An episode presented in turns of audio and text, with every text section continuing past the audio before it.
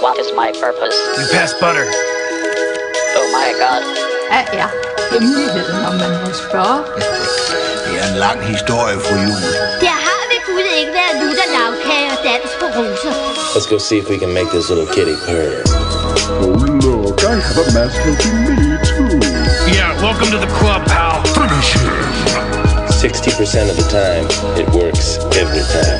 Without doubt, the worst episode ever. Here we go. Det er, også, det er jo delvis fordi, at, øh, at jeg prøver virkelig at tabe mig. Ja. Som du gør et fantastisk stykke arbejde af, må jeg også sige. Ah, tak skal du have. Øh, jeg har øh, i optagende stund op, øh, tabt cirka 22 kilo siden Kæft, jeg for alvor gik i gang i øh, januar. Ja, Hvor jeg ligesom gik ind og begyndte at tælle kalorier og, og sådan noget. det er fandme sejt. Ja. Det er vildt. Så nu øh, håber vi, det er en livsstilsændring, som man Ja, siger det ja lige præcis. Jamen, Så forstår jeg godt, at alkoholen ikke lige har, har pigget ind, særligt når der ikke rigtig har været sådan, hvad skal man sige, anlagte situationer til at nyde alkohol. Jeg vil sige, ja, når man er hjemme, og som, som vi gjorde, boede fem og en halv uge hos øh, mine forældre, der, der var jo vin til maden hver aften. Der var også en øl, ølmulighed, og til frokosten midt på dagen, der kunne også godt være en snaps. Så det var det. Øh, Særligt omkring påske, så var det jo endnu mere givet, at der var det. Så jeg synes da virkelig, jeg har sådan, jeg har jo ikke været, jeg har været fuld en gang, da vi øh, lavede øh, Power Hour, Remote Power Hour, øh, digitalt. Ja.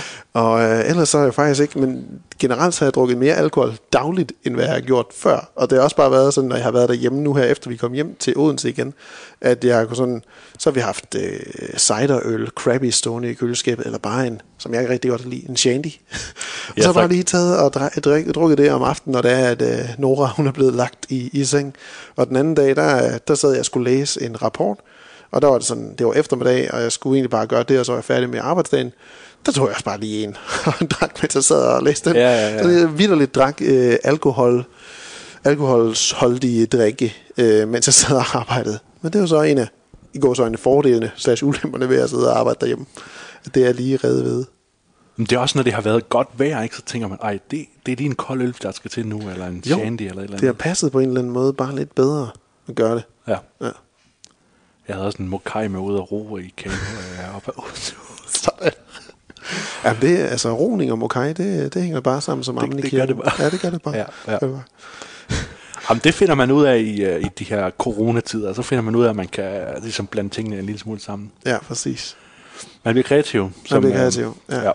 Men nu er jeg har kommet hjem til Odense igen, og som man kan høre på lydkvaliteten, så, øh, så sidder vi jo faktisk i samme lokale. For, første gang i, hvad der nok må være to, over to måneder, siden vi optog... Øh, jeg kan ikke lige huske podcasten, vi optog, men øh, det var i hvert fald, vi har i hvert fald optaget to podcasts, mens vi, mens vi har været i gang med det her det er her. rigtigt. Og vi sidder, sidder selvfølgelig efter myndighedernes an, anbefalinger med afstand til hinanden i den her store sofa hjemme hos dig, Jens, i næste uge. Ja, nu må vi se, hvor lang tid det holder. Hvis det er, at der lige pludselig der kommer dyb vejrtring og sådan noget, så er det fordi, at jeg er konstant omfavnelse Ja, ja, lige præcis det der fø- følelse af behov af, af at være hinanden lidt tættere, end hvad man har haft mulighed for i lang tid nu. Ja. Men det er skønt lige at kunne, øh, kunne se hinanden igen fysisk. Det, øh, det, det, det, det er spøjst, hvordan det har påvirkning på ens øh, mentale helbred. det her med ikke rigtig at, ja. at kunne være sammen med mennesker, som man er vant til at kunne være sammen med.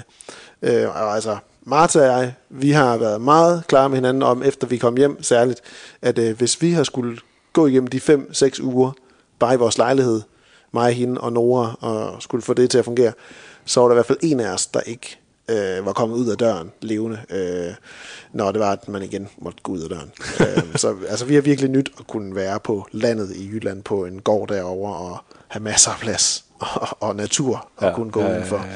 Øh, så nu håber vi forhåbentlig, ligesom alle andre, at den 10. maj eller den 11. maj, det bliver lidt af en, en vendedato mandag i næste uge. Præcis nu. Man ja. kan håbe. Man kan simpelthen håbe. Ja, præcis. Men vi har en masse ting på programmet nu. Ja, er der har også- været tid til at se øh, film og serier Lige og alt muligt andet. Det er også næsten en måned siden, vi lavede øh, sidste podcast. Ja. Og dengang, det var jo blandt andet Bloodshot og Guns Akimbo, The Hunt og The Invisible Man. Der var lige lidt sure æbler blandt de udvalgte der. Der var nogle af dem, der, der, de var ikke sådan helt op og støde på, øh, på et par stykker af dem her. Der var nogle, de var okay. Men eksempelvis Bloodshot og Guns Akimbo, dem var vi ikke, dem var vi ikke synderligt glade for. Jeg har en fornemmelse om, at dem, vi, vi skal en del ting igennem i dag, men der er, jeg føler en langt større sådan positiv kurve Ja. på de øh, emner, Ja, ja. eller de øh, serier og film, vi skal, vi skal vende i dag. Øhm, som jo er to film, to serier og en enkelt stand-up special. Bestående af tre stand-up specials. Ja, hvis man, Altså, ja, hvis man kan kalde det det jo i virkeligheden, ja. Ja, præcis. Det er den nye Next Netflix action-film Extraction med Chris Hemsworth. Så er det HBO-filmen Bad Education med Hugh Jackman, baseret på en virkelig historie. Extraction, not so much, tror jeg. øh, så er det en øh, to animationsserier. Øh, den ene fra Adult Swim, som netop er kommet med en masse serier på HBO Nordic. Ja. Øh, nemlig Primal af en, øh, en meget kyndig mand, der har lavet mange sådan animationsserier, Gennady Tartakovsky. Ja. Øhm, og så en ny Netflix-serie, der også hedder The Midnight Gospel. En meget, meget filosofisk, øh, mm-hmm. tung øh, animationsserie. Og så øh, Middleditch and Schwartz, den Ja. her stand-up i går så en special, som øh, er, er to øh, forholdsvis kendte komedie-tv-skuespillere, Ben Schwartz og Thomas Middleditch, kendt for Parks and Recreation og Silicon Valley. Øh, ja. ja. ja. Som har lavet øh, tre styks øh, impro-comedy Simpelthen specials. Long form, in, long form indie comedy. Lige præcis. Tre styks Eller af, hvad ja, vil jeg sige, ja. af omkring 50 minutters varighed. Øhm, så det er fem forskellige ting, vi skal vende. Øhm, inden vi kommer dertil, så har vi øh, Tumblr. Og også fordi netop der har været rigtig meget tid til ikke andet end at bare sidde foran skærmen, så har vi lige lavet en lidt udvidet tommel op, tommel ned med lidt forskellige ting, vi bare lige vil fremhæve, som vi ellers ikke snakker dybere om i dag. Yes. Vil du ikke næsten øh, starte, Jens? Jo, jeg har, set, øh, jeg har set noget stand-up. Jeg har set øh, anden bringer ud på Viaplay. Øhm, Anders Madsen, han, øh, det er jo som om, han hele tiden svinger frem og tilbage, men nu laver jeg noget, der er meget øh, kunstfærdigt og meget øh, opdresset, og så prøver jeg lige at lave noget øh, rigtig almindelig stand-up. Og det har han så gjort med anden bringer ud, hvor han så har været ude og optræde alle mulige steder, og det har man så klippet sammen til en special, der som jeg lige nåede at købe på hans egen hjemmeside, før at Viaplay fik den på, øh, på streaming. Præcis, ja.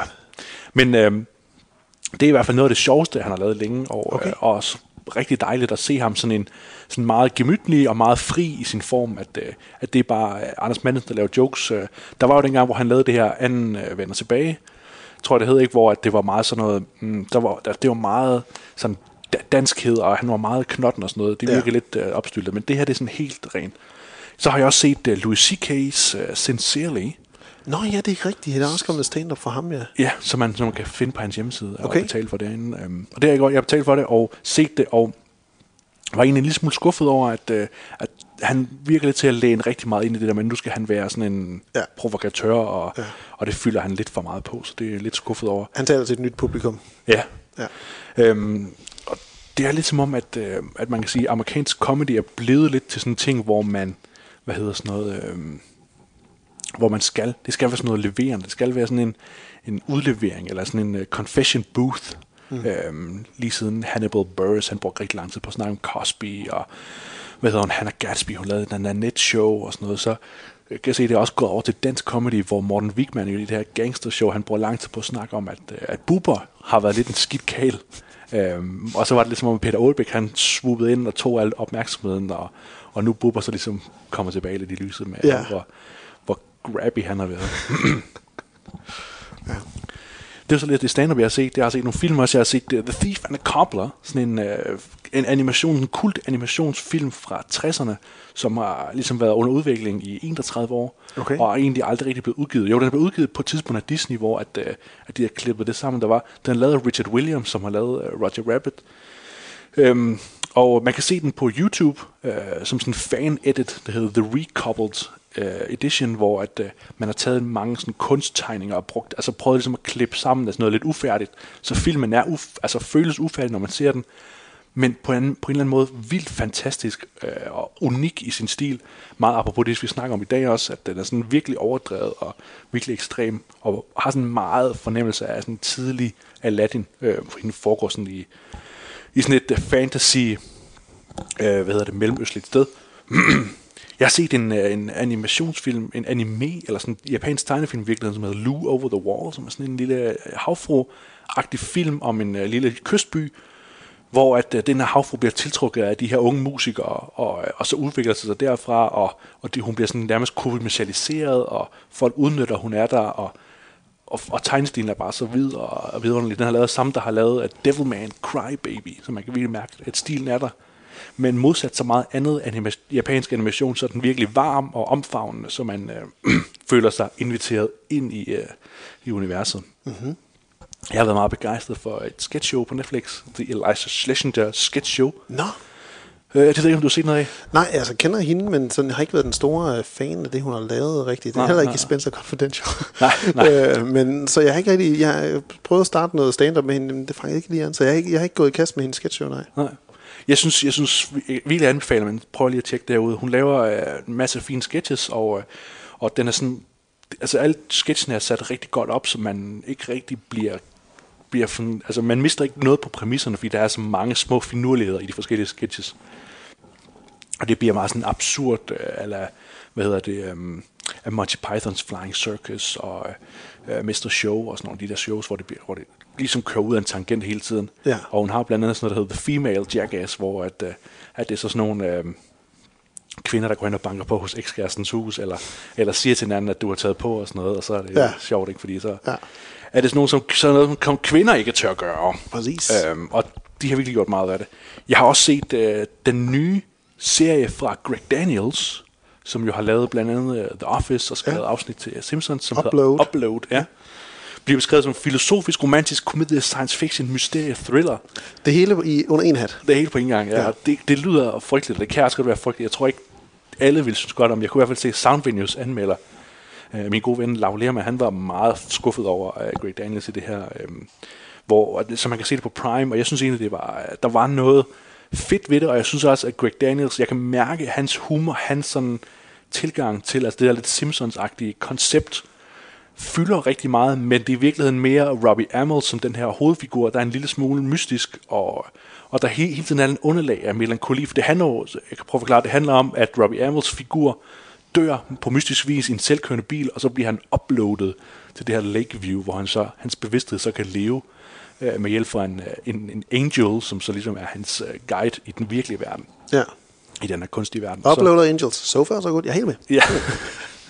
Det er lidt sjovt, fordi man kan sige, Michael Schur, han lavede jo The Good Place, ikke? Jo. som jo også handler om, at, øh, at folk, der dør, og hvad Ja, der så det er sker spøjst, ja. Så der, der er kommet rigtig meget om, om hvordan, hvad der sker, når folk dør. Sådan komedie, ikke? Forever Der er også. forever, lige præcis. Forever, ja. ja. Øhm, og øh, det, jeg egentlig vil fremhæve allermest, det er øh, noget andet på Adult Swim, som hedder The Shivering Truth. Øhm, og sådan en genre, genreblanding. Øh, det bliver beskrevet som stop motion, animated, surrealist, anthology sketch comedy. Og det er Vern Chatman, der blandt andet Wonder Show. Sådan, han har lavet det her sådan en helt kort form øh, sketch show, hvor man ser de her øh, stop motion figurer, der gennemgår alle mulige vanvittige, totalt bizarre og sådan helt frygtindgydende scenarier, hvor man, altså, det er på mange måder ligesom Adult Swim, men der er bare et øh, altså uh, sådan filosofisk lag og sådan en, en, en tone af noget sådan noget overdrevet, øh, hvad hedder sådan noget, øh, Twilight Zone, ikke? At, at der er ligesom sådan en stemme, der forklarer, hvad der sker, og så lige pludselig så sker der bare de mest mærkelige ting. Altså folk, der har sex med hinanden inde i mentale portaler, og en, der, der krasser i sin arm, og lige pludselig så bliver det sort en kirke, som hans forældre så går ind i, og så slutter det med, at der er nogen, der bader i, i andres lys, og så eksploderer til sidst. Og det er meget svært at forklare, men det er bare sådan, det er bare det der med, jamen i, altså det kommer til at minde meget om Midnight Gospel, men bare på sådan en meget sådan helt præcis og, og koncentreret form. Ja. Øhm, og det, der ligger så de her syv afsnit, tror jeg, sådan hver 10 minutters varighed, så det er hurtigt set. Ja. Men virkelig sådan noget, virkelig sådan noget man, jeg, jeg sidder tilbage og bliver helt mæt, når jeg ser det enkelte afsnit, fordi der sker bare så meget hele tiden. Ja. Så det er Shivering Truth på Amazon, eller på HBO. Ja. Du er dykket meget ned i Adult Swim-tilbudene fra HBO. Øh, ja, men jeg har jo set, jeg har jo set det meste Ja, af, okay, af, det, der var. Jeg glæder mig til at se det der Tick-tone også, tror jeg, det har Ja. jeg set før. Det er jo Adult Swim, der også øh, producerer og udgiver øh, Rick and Morty. Øh, nok den serie, der har sådan bragt øh, kanalen sådan mest på landkortet, sådan det, det Ja, brede det landkort. tror Vil du jeg, ikke det tror jeg, jo. Men det ligger altså på, øh, på HBO. Der kan man se en masse af de her, også Rick and Morty. Jeg har også fået set en, en hel del forskellige ting. Jeg har set en øh, dokumentar øh, på dagen, hvor der kom en annoncering om, at, øh, at alle festivaler og så videre større arrangementer, det ville blive aflyst. Der, øh, der stødte jeg på øh, dokumentaren på YouTube, som man gratis kan, kan tilgå, der hedder Coachella 20 Years in the Desert, som egentlig er en rimelig basic øh, fortælling om tilblivelsen af Coachella Festivalen over i, øh, i øh, uden for Los Angeles i, i Kalifornien hvor man ser, hvordan det egentlig startede med bare et, et lille sådan øh, venue-selskab, der lavede nogle små klubber, der lavede sådan de, de koncert-performances, øh, som som ikke trak nødvendigvis det helt store stadion af publikum, øh, men som langsomt ligesom begyndte at få mere og mere øh, gas på kedlerne, og så til sidst prøvede de sig med en endags festivalskoncert, og så blev det sådan noget, det kan vi godt prøve at gøre igen næste år. Til trods for store økonomiske udviklinger, øh, udfordringer, så viste det sig rent faktisk, at der var et kæmpe publikum, der gerne ville prøve at have det her lidt mere europæisk inspireret festivals, øh, den festivalsoplevelse, som øh, USA ellers ikke havde været så stort øh, store tilhængere af. Og hvordan eksempelvis sådan noget som rave-scenen, der kom ud af, af Storbritannien, var et sådan virkelig øh, inspirerende element for skaberne bag, at det ville gerne have noget, der mindede om det. At det skulle være den type der, øh, stemning, man skulle opleve på den her festival, som så endte med at blive Coachella. Øh, den var super, super dejlig at sidde og se. Der er masser af koncertoptagelser for mange, mange forskellige år, så det er en stor eller en bred række af forskellige musikgenre og musikkunstnere, man ser øh, klip af på scenerne og hører fra os undervejs. Øhm, så det, det, var, det var rigtig underholdende, og man, jeg fik virkelig lyst tilbage efter at sidde og se nogle koncertoptagelser, live performances af forskellige, man kunne prøve at finde. Øhm, så det, det vil jeg varmt anbefale, hvis man ligesom jeg og st- sådan stadigvæk føler, at det er tomrum, sommeren den står for, når der ikke er nogen festivaler. Jeg har også set øh, to øh, film, som du kan finde via brug. Der skal du godt nok bruge en, en VPN for at tilgå dem, nemlig en film, der hedder Never Rarely, Sometimes Always.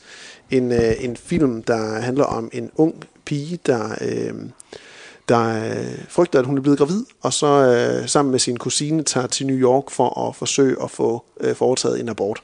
Det er en utrolig, utrolig stille film, men virkelig bare en et, et rædselsbillede af, hvordan det må være for unge kvinder nogle gange, øh, med øh, objektificering og sådan der, seksualisering af alle deres handlinger, og hvordan mange mennesker, de kan altså udnytte dem på en eller anden måde. Øhm, og, og også, også en kritik af sådan af abort øh, pro-life øh, delen øh, over i, i USA. Øhm, den, den, er, den er ja, som sagt en meget, meget stille film, men, men øh, hovedrollen her, de to øh, unge skuespillere der, de, øh, de, de spiller bare, de, de har et super godt øh, forhold, hvor der, der, der er ikke, de, de behøver ikke sige sig det meget, for man er med på, hvad der, er, der foregår imellem dem. Øhm, og der er, der er nogle virkelig hårde, hårde scener, og det, det, selve titlen den bygger på, på sådan en, en, en questionnaire, som, øh, som hovedkarakteren hun skal gennemgå for ligesom at en konsultation med en terapeut, inden hun skal ind til sin, øh, kommer til selve aborten, hvor hun ligesom bliver spurgt ind til en masse ting, hvor hun så skal svare never, rarely, sometimes eller always. Og det, ah. det, det er et langt take, hvor vi, hvad vi bare har kameraet placeret på øh, hovedrollen her. Og det, det er så det, det er først der, man sådan rigtig lærer noget om, hvilket traume hun måske bærer på, som har ført til, at hun står i den situation, hun står i. Men den er virkelig, virkelig, virkelig god. Og den handler også meget om, hvordan sådan små øh, bemærkelsespunkter for øh, mellem mennesker, øh, det kan sådan have stor betydning. Så så jeg også en øh, noget mere øh, upbeat øh, indie-film, Standing Up, Falling Down, øh, faktisk med Ben Schwartz, som vi også skal snakke om senere, og Billy Crystal i en, øh, en lille indie-film, hvor han spiller en lidt øh, fejlende stand-up-komiker, som vælger at tage tilbage til sit øh, hjemstavn, øh, og bliver så ellers inspireret af Billy Crystals tandlæges sådan lidt frie øh, livs, øh, livstilgang, øh, og den bonding, de to opnår imellem sig. Den er sådan rimelig basic i sin sådan den, den bruger mange klichéer for indiefilm. Øh, der er en gammel kæreste, der måske kunne komme ind og blive til noget med igen, og forældrene, der sådan ikke helt støtter op om det, men kunne du ikke bare være dig selv, eller har du ikke prøvet det nu, og det lykkedes jo ikke rigtigt. Øh, men den, den, den var bare så hjertevarm på en eller anden måde, og den, den fortæller meget sådan omkring... Øh, om, om, om ensomhed har den nogle rigtig fine tanker omkring, og, og, og, og den her frygt for nogle gange ikke at, ikke at slå til. Så har jeg set selvfølgelig øh, Better Call Saul seneste sæson og Ozark 3, øh, sæson 3. Begge to virkelig, virkelig gode sæsoner. Ozark uh, øh, sæson 3 kommer stadigvæk ikke helt op på den sådan vanvittige uforudsigelighed, som den lagde, til, lagde grund for i sæson 1, men den er super god stadigvæk. Mest af alt fordi øh, de her unge børneskuespillere, som de rigtig meget var i første sæson, de er, de er en del af hele drug-korporationen nu, og, og også bedre skuespillere, end hvad de var for nogle år siden. Øh, plus tilføjelser nogle ret gode øh, nye bikarakterer, blandt andet øh, Wendy's Laura Linney's bror, spillet af Tom Pelfrey, som, man, som jeg først havde set, og kun set i, øh, i Iron Fist sæson 1. hvor han spillede, øh, hvad var det, fætteren eller sådan noget til, øh, til Iron Fist. Jeg kan ikke oh, huske, hvordan helt det spillede han der i den skolserie der. God serie var det.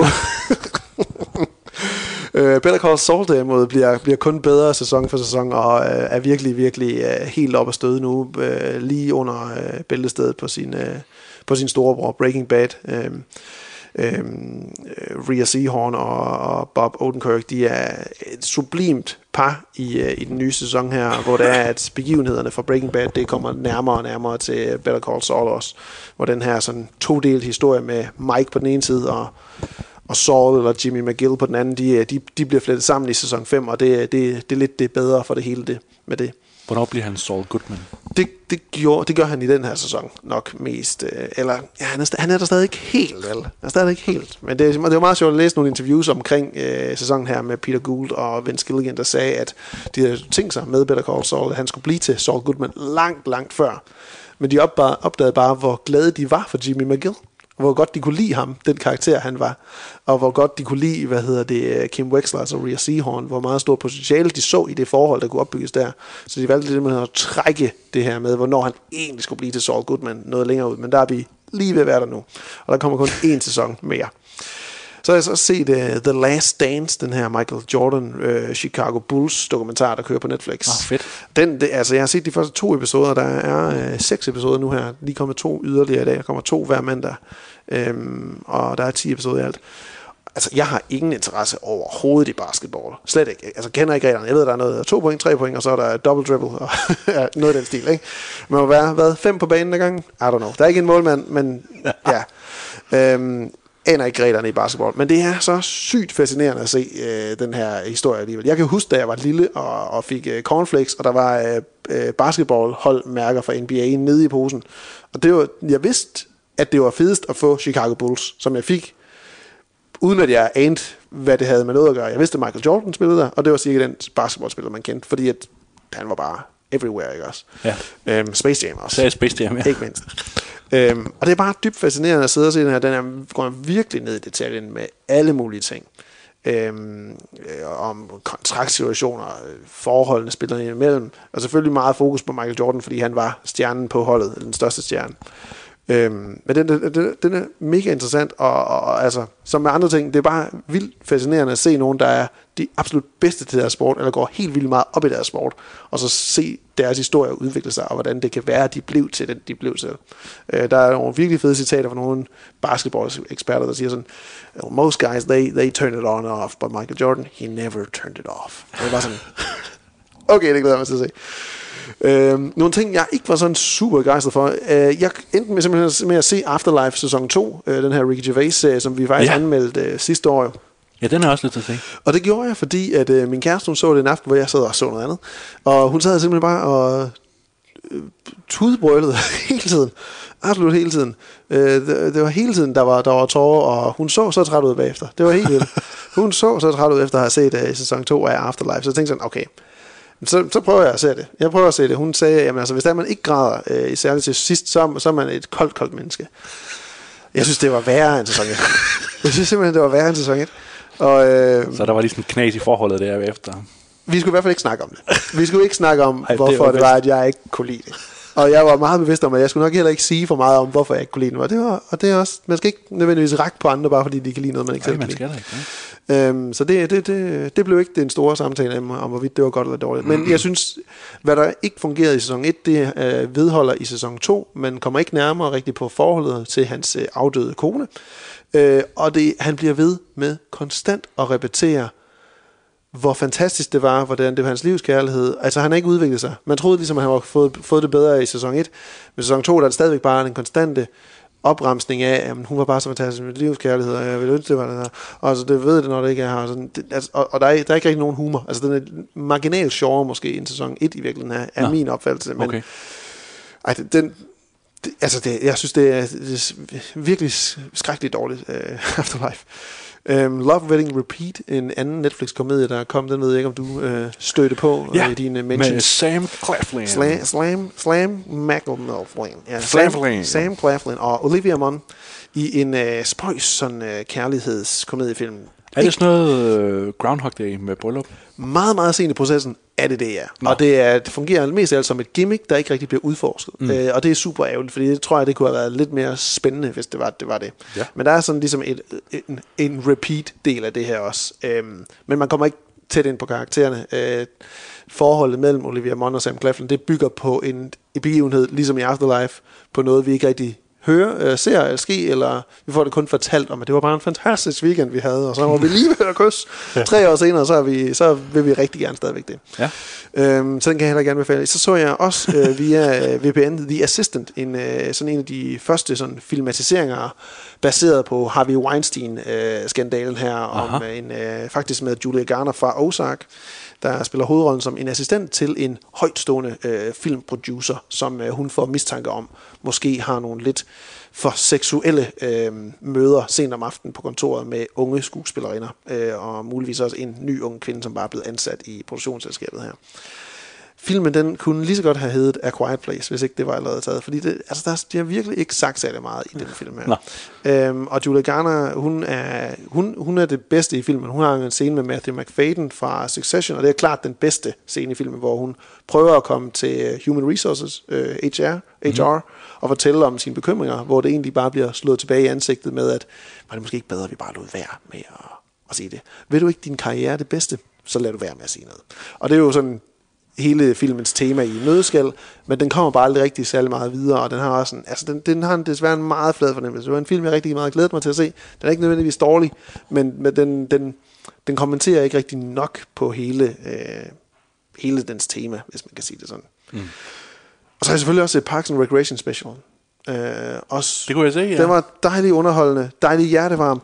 Lidt med en følelse af, at nogle af de her øh, skuespillere har været lidt langt væk fra deres karakter i lidt for lang tid. Okay. Øh, altså nogle af dem, det føles lidt som om, de phoner den ind lidt mere end andre. øhm, og det kan man godt mærke, men når det så, det, det er jo hurtigt overstået til 20 minutter. Og, Hvad med Aziz, var han med?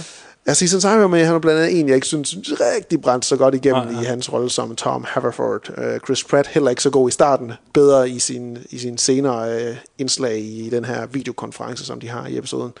Men det var bare rigtig rart at, se det på en eller anden måde. Uanset, jeg er nærmest ligeglad med, hvilken form det kom med, bare der var lidt mere Parks and Recreation. Det var, det var rigtig dejligt at se. Men Swanson var god. Swanson var god, ja, lige ja. præcis. Og Ben Wyatt var også god. Fedt. Underligt nok, Rob Lowe ikke så god som, øh, som hvad hedder han, Chris. Nå. Han, var, han virker også som en, der sådan var lidt for langt væk. Han var, han var ikke, han var ikke øh, det bedste, raskeste menneske i verden længere. Han var ellers en af de bedste karakterer i den serie. Ja, lige præcis, lige præcis. Nå, nu må vi hellere komme til det, øh, vi rigtig skal snakke om.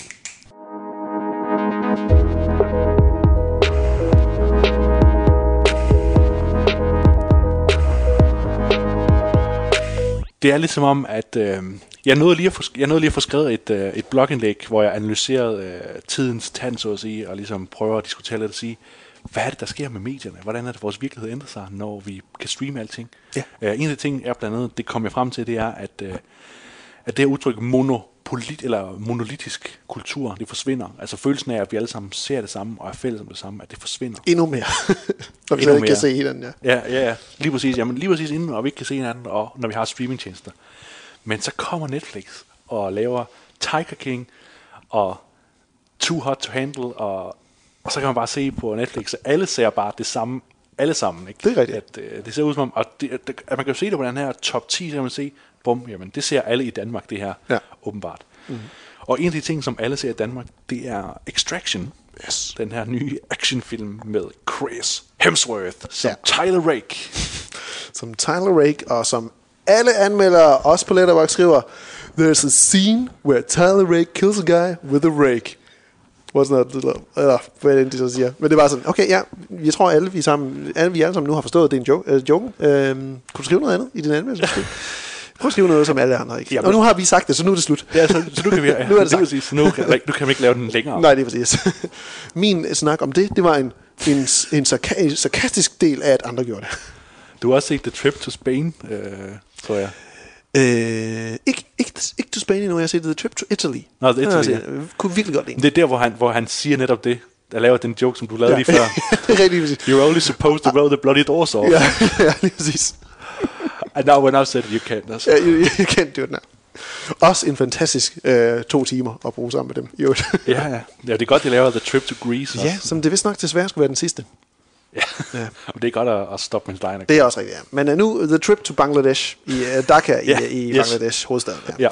Sam Hargrave, det er hans instruktørdebut. Det er en film, der jo bliver markedsført meget på at være From the Directors of Avengers Endgame and Infinity War, The Russo Brothers. Uh, directed by Sam Hargrave. But it's from the uh, directors Russo. of Russo. the highest earning movie in the world. Joe and Anthony Russo. Eller, okay, Joe Russo har skrevet den, så Anthony, han er producer, vil jeg sige, yeah. han har nærmest ikke været med. um, men i hvert fald, så er det Sam Hargrave, som jo faktisk også har en fortid med Marvel. Han har øh, været stuntkoordinator på øh, både Infinity War og Endgame, men også på øh, Winter Soldier og Civil War, mm. som jo virkelig var de film, Civil War, eller hvad hedder det, Winter Soldier og Civil War, hvor det var et action nærmest blevet fremhævet som værende. Det er lige taget et step op nu. Det må man sige. Bedre, bedre kampscener, bedre action, helt generelt. Yes. Han har så sin instruktørdebut her. Han var i øvrigt også stunt double for Chris Evans som Captain America. Øhm, han har sin instruktørdebut her, og, øhm, og, og, og det er så med, som sagt med Chris Hemsworth i, i rollen her som, som Tyler Rake, er former CS, CASR operator turned mercenary. Øhm, han bliver understøttet af Randeep Huda, der spiller Sergio Raf, også en tidligere paramilitær øh, agent, der også øh, kan sit med, med knive og, og våbenpistoler. Øh, på rollelisten der er der også Goldshift Farahani, som man måske har set i Patterson, hvis man har set den fantastiske film. Ah, ja. Og David Harbour i en lille bitte, bitte, bitte, bitte birolle. Ja. Tyler Rake han er, bliver hyret ind til at skulle redde øh, Ovi Maharajan, som er en søn af den indiske øh, druglord, øh, der bliver kidnappet af den bangladesiske, eller en druglord for Bangladesh i hvert fald bare. Ja. Øhm, og så kan han forsøge at få ham ud derfra. Pludselig går missionen galt. Han står i helvede på jord, og hvordan skal han klare sig og komme ud med den her dreng i live? Og når han samtidig også skal u, hvad hedder det, klare et personligt traume også. ja.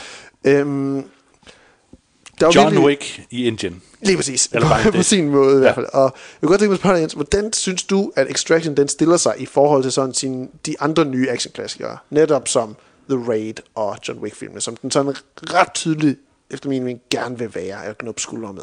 Ja, det må man sige. Jamen, øh, sådan, jamen, forholdsvis godt jo, på en måde. Øh, hvis man rigtig godt kan lide de film og har set dem to-tre gange, så kan man godt se den her.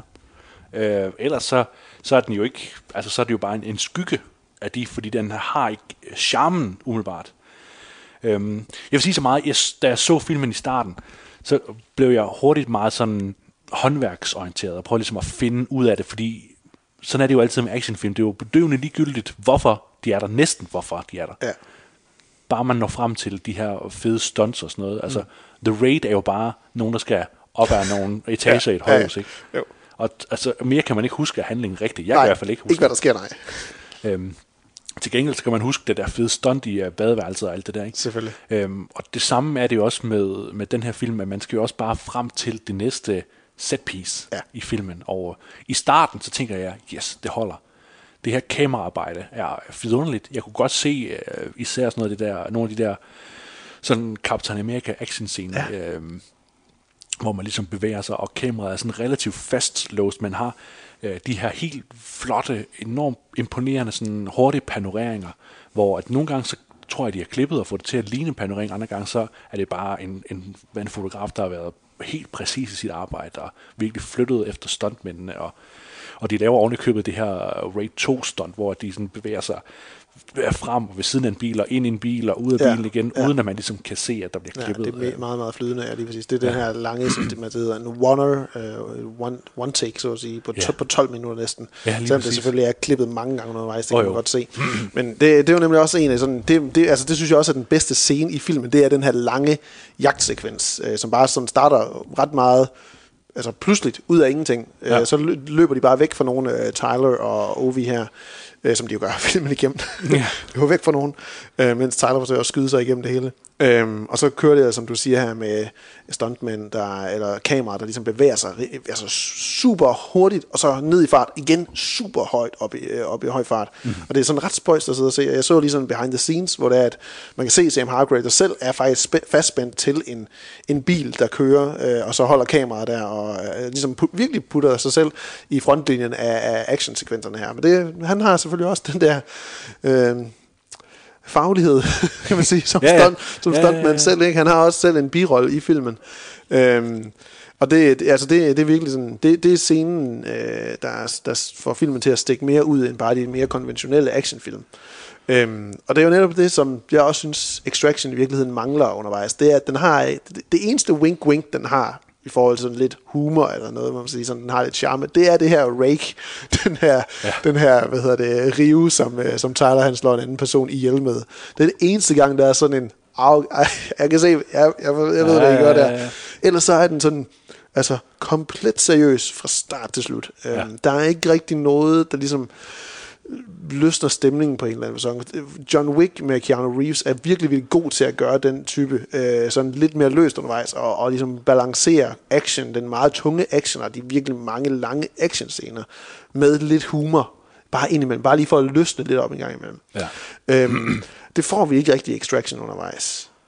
Nej, altså man, man savner lidt, at Chris Hemsworth, han for alvor bliver den her 80'er actionhelt. Uh, lidt som Keanu Reeves gør med John Wick, ikke? hvor man kan sige, det er lidt mere troværdigt. Uh, men man savner lidt den her sådan, den her gravitas, der er i, øh, i nogle one-liners, eller i mm. nogle, uh, nogle smarte bemærkninger, eller i en eller anden sådan fuldstændig vanvittigt eksekveret, uh, som du siger, at den her rake er fin nok, men altså det er sådan det eneste, der er. Der kunne godt være sådan noget mere, noget mere blær over det. Ikke? At, Ja. uh, den kunne virkelig godt lige anerkende, at det her det er altså bare en actionfilm, ikke? Og, og der kan man ligesom sige, at snart det er en actionfilm, så kan det så godt gøre det til en actionkomedie. Det, ja. det er efterhånden det, vi er vant til jo. Ja, ja, den kunne godt have på en eller anden måde skåret lidt af kanterne af skuldrene, for, for ligesom bare at blødgøre det lidt på en eller anden måde. Men den vil gerne være meget, meget alvorlig og fortælle en, en angivelig, mulig, virkelig historie om sådan, hvordan karteller, eller ikke karteller, men øh, narkobander i, øh, i, i Indien og Bangladesh, de udkæmper noget her. Mm. Øhm, der er noget med settingen, der er ret spøjst. Altså det her, altså snart vi er der, så er det alt sammen bare cool. Ja, det er ja, ja. alt sammen bare orange. Det er helt vildt. Det, ja. hele, det skal bare være sandet. Desert kaki. Det, alt det er mørkt. Jeg så på Twitter nogen, der sagde sådan, øh, der har taget de her øh, droneskud øh, fra luften, hvor det sådan, øh, er fra filmen her, hvor det er sådan, øh, India eller Bangladesh in movies, og så er det bare billede fra Extraction, helt orange, gulligt, øh, sandet. Ja. Og så øh, picture of øh, Bangladesh, India in real life. Og det ser sjovt nok ud, som det gør øh, herhjemme i Norden og Skandinavien. Øh, dejlig, dejlig, flot, grønt, hvidt øh, og blåt vand og, og skyer og himmel. Ja, ja. Ikke, så, ikke så gulligt over det hele. Nej, nej, nej. Men det, det er jo sådan, øh, Hollywood portrætterer Østen typisk. Ikke? Øhm, derudover så synes jeg jo egentlig, at Hemsworth, altså vi snakker om, han, han er jo en, der er virkelig komisk skuespiller også. Ja, han er og det er tydeligt, at han også ville have taget, at ville tage den her udfordring med en karakter, der er sådan er bundseriøs. Og jeg synes jo egentlig også, at han slipper ret godt fra sine actionsekvenser. Øhm, jeg vil så samtidig også sige, at det er måske også der, hvor at man kan se, at det tekniske det ikke kan opveje mere, end hvad skuespilleren reelt set kan. Fordi jeg tror ikke, at Hemsworth på samme måde som en eksempelvis Keanu Reeves er helt lige så trænet til at skulle fremføre nogle af de her meget tætte hvad hedder, koreograferede stunts og, og kampscener. Der bliver klippet lidt mere, føler jeg, under Hemsworths øh, scener. Særligt den første scene her, hvor det er, han, han befrier øh, Ovi og har den her nedslagning af, af en, en gruppe øh, skurke. Øhm, så, så kom, den, han er, det er overbevisende, men der, jeg tror, der er udvikling for ham til at kunne gøre endnu mere, hvis der er, at den skulle lave flere af den her type film. Øhm, og derudover så synes jeg egentlig, han gør, han, gør, han gør det fint med en rigtig, rigtig begrænset karakter, som Tyler Rake er, ikke? Altså igen, hvis det, at det skulle, hvis, det, hvis det skulle have lidt mere succes med at være en lidt mere bredere film, og have tilført lidt eller andet sådan gammeldags actionfilms humor, så... Øh, så, så skulle der have været en lidt anden form for baggrund på ham også. Øh, den her, der var, jeg hørte en anden anmelder sige, at det er jo vidderligt, introen, det er lige sådan som MacGruber gør grin med, at det er en, Ja, ja, en der er ligesom er stoppet med, han, he's out of the game, he's out of the game, og så, så kommer der en og puller, Pull it back in. right back in, øh, og der er han så for overraskende, okay, let's do it, øh, overraskende klar på, så snart hende her Goldshift Farah Hani, hun kommer og hiver ham, ja, det er det, er det, det kringlede navn, hun har. Indiske Rose Byrne. Ja, ja indisk Roseburn. Øhm, og have ham hævet med igen. Øhm, og jeg synes egentlig generelt, karaktererne, det er nogen, der ikke har særlig meget substans til sig. Øhm, overhovedet. Overhovedet nej. Farahani her eksempelvis, hun er virkelig bare den kvindelige karakter i filmen. Ja. som, som ligesom, altså hendes rolle, den lader til, manuskript for Joe Russo vil opveje ved at sige, du får lov til at skyde med en rocket launcher. Er det ikke okay så? Ah, stærke kvinder. Det, Der var den. den. Vi siger, den er der. Vi siger, den var der.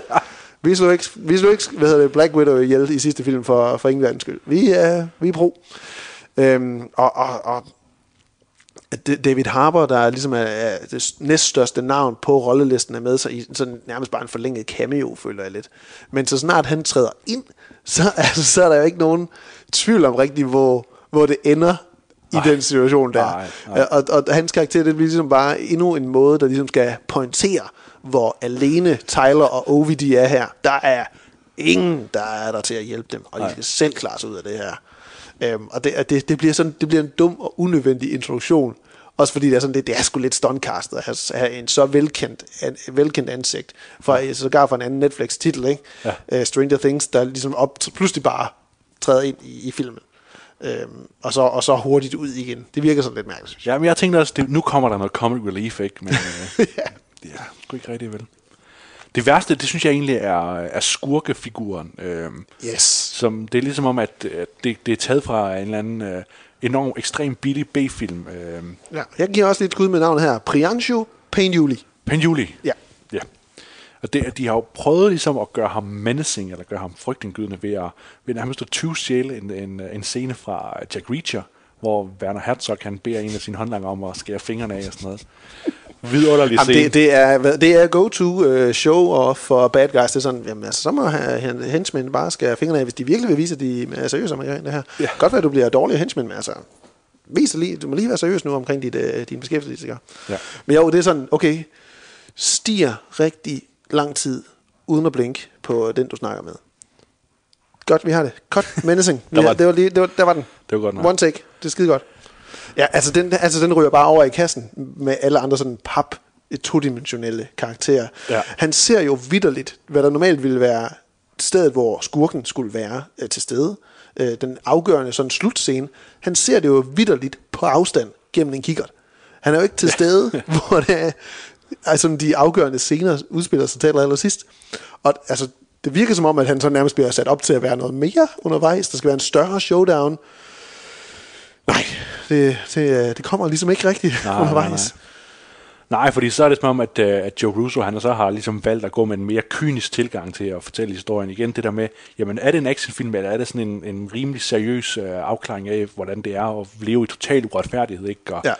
Og der er forskellige scener med børnesoldater, ikke? hvor Tyler Rick ligesom skal forholde sig til, jamen, hvad fanden gør han lige, når han skal slås med børn, ikke? Og det er egentlig en, faktisk en fed nok scene, synes jeg lige, hvor de, han, han ligesom afmonterer dem på en lidt anderledes måde, end hvad han ville gøre, hvis det var voksne skurke, der kom, øh, kom imod ham.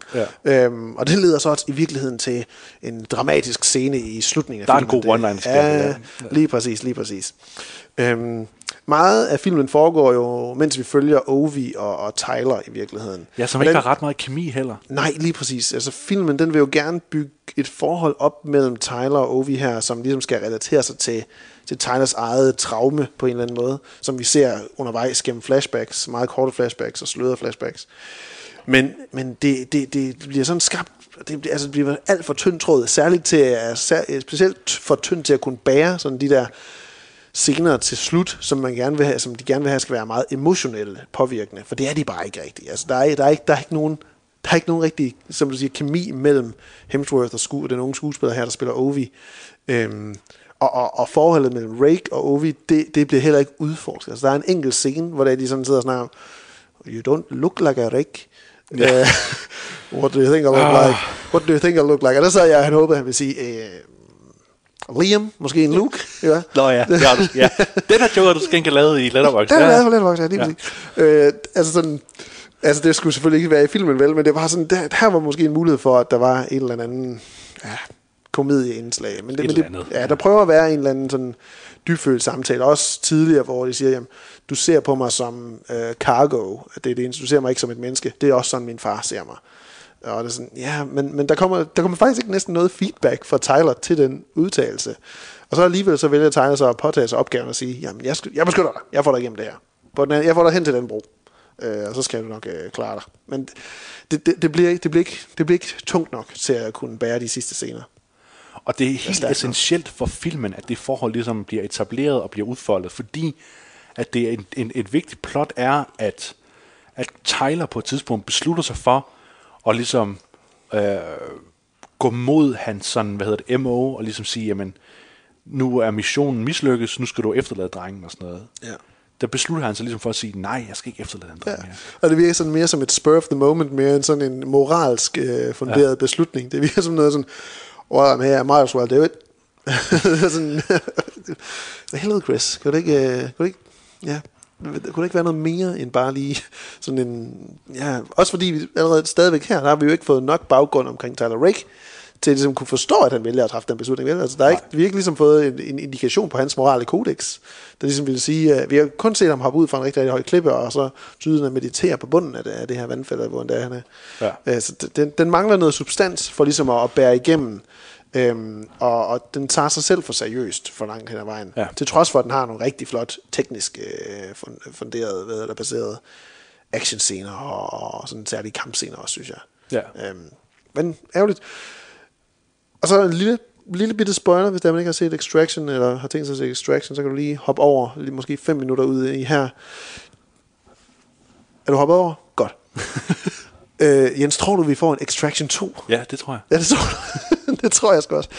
Ja. Øh, fordi der er den her slutscene, igen, vand, øh, Ovi, der hopper ned i vandet, og så da han kommer op, så utrolig utydeligt, så kan man se i baggrunden sløret. Der er ikke noget, der er, eller jo, meget overlades til tilfældighederne her. Øh, men en person, der meget vel kunne ligne at være øh, Tyler Rake, Chris Hemsworth, der står i baggrunden, se, eller ser på Ovi ved poolen her. Øhm, og det sidste, man så Tyler Rake, det var jo, at han faldt ned over broen igen i vand. Og som jeg også skriver i min anbefalelse, det er, at er det bare hans, øh, er det hans ligesom livsgivende kilde? Er, det, er han Aquaman på en eller anden måde? Ja. Er, det, er det det, han har brug for, for at kunne ligesom leve, ah, få ja. fornyet energi, ligesom Superman og solen? Øhm, der, der er ligesom den her indikation på, at hvis det er, vi får mulighed for at lave en tor, så har vi i hvert fald en, en out her, eller en in her med, med Hemsworth, der muligvis optræder i baggrunden der. Vil du se en Extraction 2 så også? Ja, det tror jeg faktisk, Det jeg tror vil. jeg også, jeg vil. Håb for, men, men, men det vil jo så være baseret på øh, forhåbentlig endnu flere spændende actionsekvenser, vil jeg også sige. Ja, men det, det er også mest fordi nu har, altså vi har nævnt John Wick et par gange, og det er jo virkelig en serie, der er blevet sådan, der virkelig har udviklet sig, og, Ja. og nået frem til det sted, jeg godt kan lide, hvor actionscener er bare helt gakket, og, og lad os prøve alt muligt stuntagtigt. Ja. Øhm, så det tror jeg også, at der Extraction kan bevæge sig hen. Ja. Jeg synes også, at Chris Hemsworth han er en overbevisende tough guy. Jeg synes, han er ganske overbevisende i rollen som en, der bare er mega hard, hardcore. Ja. Og han, han, he looks the part i, i den her film. Han er virkelig, virkelig gruffet op i uh, hans uh, combat-udstyr. Så uh, jeg ved ikke, om det er en anbefaling, vi er kommet med, men jeg, kunne godt, jeg vil gerne se mere alligevel. Ja, nej, det altså, behøver det- ikke nødvendigvis indikere, at filmen er dårlig. Nej. Man behøver ikke se den. Det gør Nej. man ikke. Nå, skal vi hoppe videre til, uh, til næste punkt på dagsordenen? Ja, vi skal så. Også en gang uh, voldsudgydelser, nemlig Primal.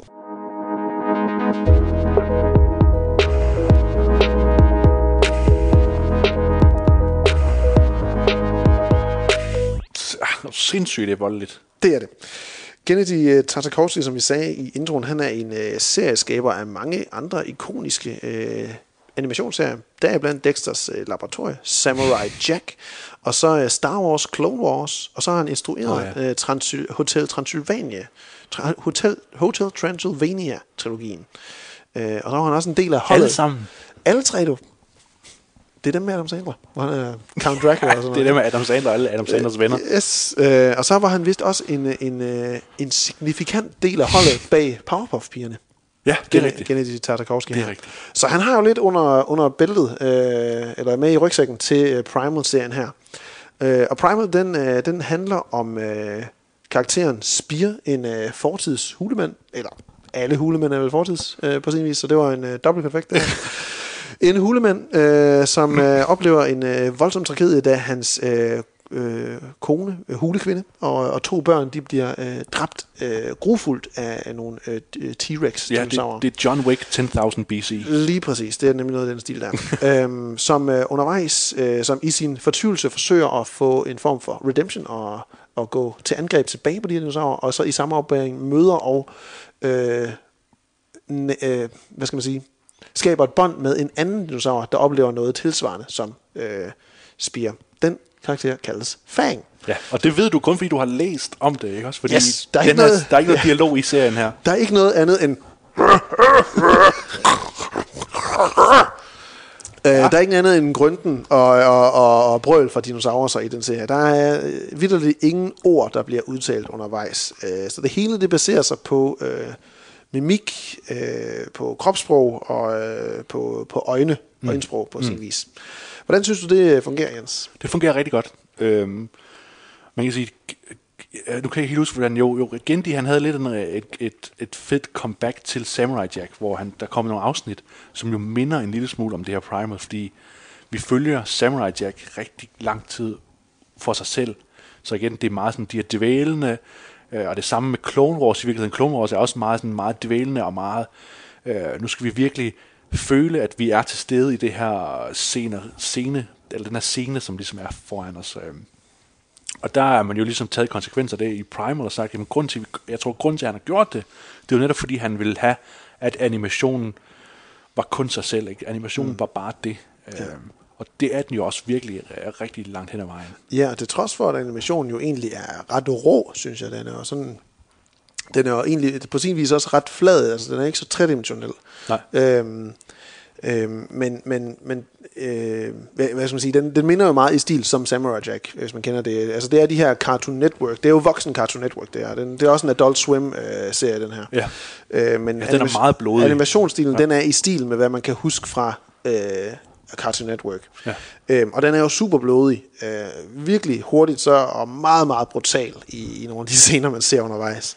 Men til trods for, at animationen den er så rå, så, så forstår man jo alligevel alle de interaktioner og udvekslinger, øh, ordløse udvekslinger, der er mellem Fang og Spear. Og det er jo netop fordi, at, at der er så meget, de detaljer, der så er, de er så essentielle og så godt øh, animeret, at man ikke er i tvivl om, hvad det er, der rent faktisk foregår, og hvad det er, de ligesom kræver af hinanden undervejs. Mm. Øh, og det er nogle forholdsvis simple historier, der udspiller sig i hver episode. Jeg mener, der er fem episoder. Det kan Fem episoder, ja. Fem episoder, men der er vist lovning på mere. Ja, der er faktisk, der, der, de udlavede, de kom jo med den 6. episode her til 1. april faktisk. Ja. Øhm, men den er så ikke kommet fra HBO Nej, endnu. nej, præcis. Øhm, og det, det er jo også virkelig bare første halvdel af første sæson, det her vi har set. Ja, og serien blev i virkeligheden også øh, indsendt til Akademiet, Oscar Akademiet, fordi den blev klippet sammen til en film. Det er rigtigt. Øhm, og, og, men, men som sagt, så er hver episode det er forholdsvis øh, simpel historie, men, men det er så også, måske også en, en del af, det, når der, er- der ikke er ord indblandet. At det, kan ikke, det kan ikke blive for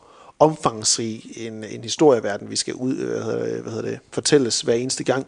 Øhm, så det er jo en styrke, de så har gået mere ned i. Den er jo virkelig gået ned til, til rødderne af historiefortælling på en eller anden måde. Og til rødderne af menneskets historie. Måske knap så meget mennesket og dinosauren i samspil, fordi øh, det er sådan, hvad jeg egentlig troede til at starte med, ville være en ret sådan, ikke, ikke, ikke nødvendigvis historiemæssig, sådan tæt, øh, hvad hedder, altså historisk, tænker jeg nu, øh, vores egen historiske øh, fortid med dinosaurer og hulemænd og sådan noget. Øhm, jeg kan ikke engang huske, om hulemænd levede på den tid, der også eksisterede dinosaurer, det er jeg jo i tvivl om i det hele taget. Det er jeg helt sikker på, at de ikke gjorde. Lige præcis, ikke? Godt. Ja. Ja. Så det er jeg også helt sikker på nu. nu har jeg sagt det, Jens. Øhm, Nej, Men- det er, det, historien er sådan, at der er, øh, der er længere tid, hvordan var, fanden var det, der er længere tid fra øh, det, det, øh, det, Homo sapiens kom frem til Tyrannosaurus til Justin Bieber eller sådan noget. Øh, Nej, Ja, okay. glemt navnet. det, og der er i hvert fald rigtig, rigtig, rigtig lang tid mellem en Tyrannosaurus Rex er gået på jorden til, at der har været... det er det første menneske. Det er menneske, ja. Der er kortere tid mellem det første menneske og Justin Bieber, end der er mellem det første menneske og dinosaurerne. Ja. Ja, præcis. Øhm, men ret hurtigt, det jeg mener med det her med den historiske korrekthed, det er, at så begynder det også at blive sådan nogle ret fantasy-agtige historier, der, der ligesom kommer ind. Der er kæmpemæssige, vampyragtige flagermus, øh, gigantæderkopper, øhm, øh, ps, øh, hvad skal man sige, proteinholdige drikke, der får, øh, får aber til at fuldstændig hulk out og eksplodere til et eller andet voldsmonster. Øhm, sådan, sådan nogle elementer, der er meget fantasy, science fiction inspireret nærmest og, og præget. Og det, det, det var egentlig ikke den serie, jeg troede, det ville være, da jeg startede ud med den, for, for jeg så den her i, i sidste år. Øhm, og, og det tog mig, det var sådan lidt, jeg var lidt mere hooked på de elementer, sådan var lidt mere, lidt mindre fantasy-agtige. Der er en god, rigtig fin fortælling omkring nogle mammutter, og hvordan færinger og de er desperat efter at få mad, og så pounder de, pounder de på en, øh, en, en gammel mammut, der er blevet ladt tilbage af sin flok i en snestorm, hvor flokken så vender tilbage og gerne vil have den her mammut tilbage, og så er det så nærmest en, en liv og død situation, som de i virkeligheden står i hver afsnit, øh, Fan ja. Ja, ja. Det er liv og død hver eneste afsnit. Øhm, så jeg er egentlig ikke så hugt på det her med, at den begynder sådan, det er omkring episode, det er 4 og 5 i virkeligheden, der, hvor den går meget mere over til en fantasy-præget historiefortælling. Hvordan havde du det med det? Jamen, jeg er helt enig. Jeg synes jo, altså, jeg, jeg er på sin vis rigtig glad for, at, øh, at vi ikke befinder os i, øh, grunden til, at jeg ligesom har ventet med Primal, det er fordi, jeg tænkte, ah, men, altså, hvor spændende kan det være, hvis man besøger sådan en præhistorisk verden der. Øh, men så er jeg glad for, at Gendy han ligesom har taget den her Samurai Jack øh, tilgang og virkelig fyldt så meget fantasy-elementer i som overhovedet muligt. Øh, til trods for det, så bliver det jo bare rigtig meget Monster of the Week øh, afsnit.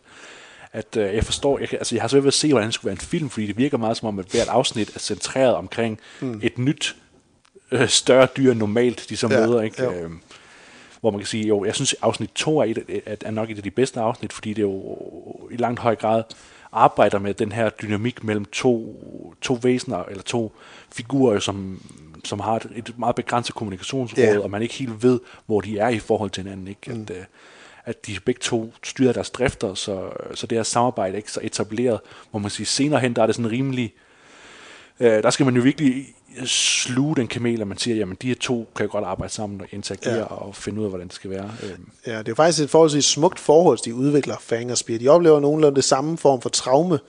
Øhm, og så netop i episode 2, som jeg synes er rigtig, rigtig god, i et langt stykke hen ad vejen, der ser man jo de her sådan clash, de har, fordi at ja. øh, Fang, dinosauren, ledes meget af sine dyriske instinkter hele tiden.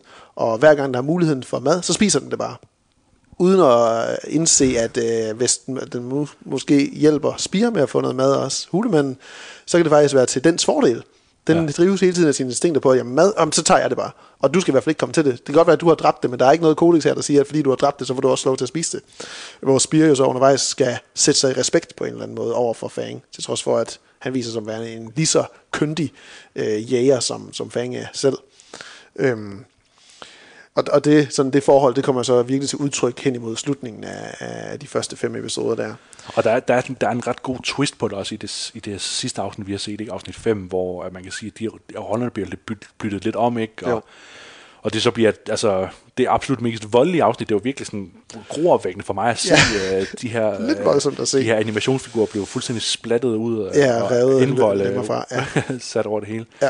Og så, altså, det, vi, vi slutter også på en ekstremt sørgelig en, Ja, en node her til det sidst, nok sige, øh, ja. med det femte afsnit. Det er jo, man kan sige, på en eller anden måde, så tænker jeg, at fint at slutte her, men, men så er der så mange flere afsnit. Ja. Ja.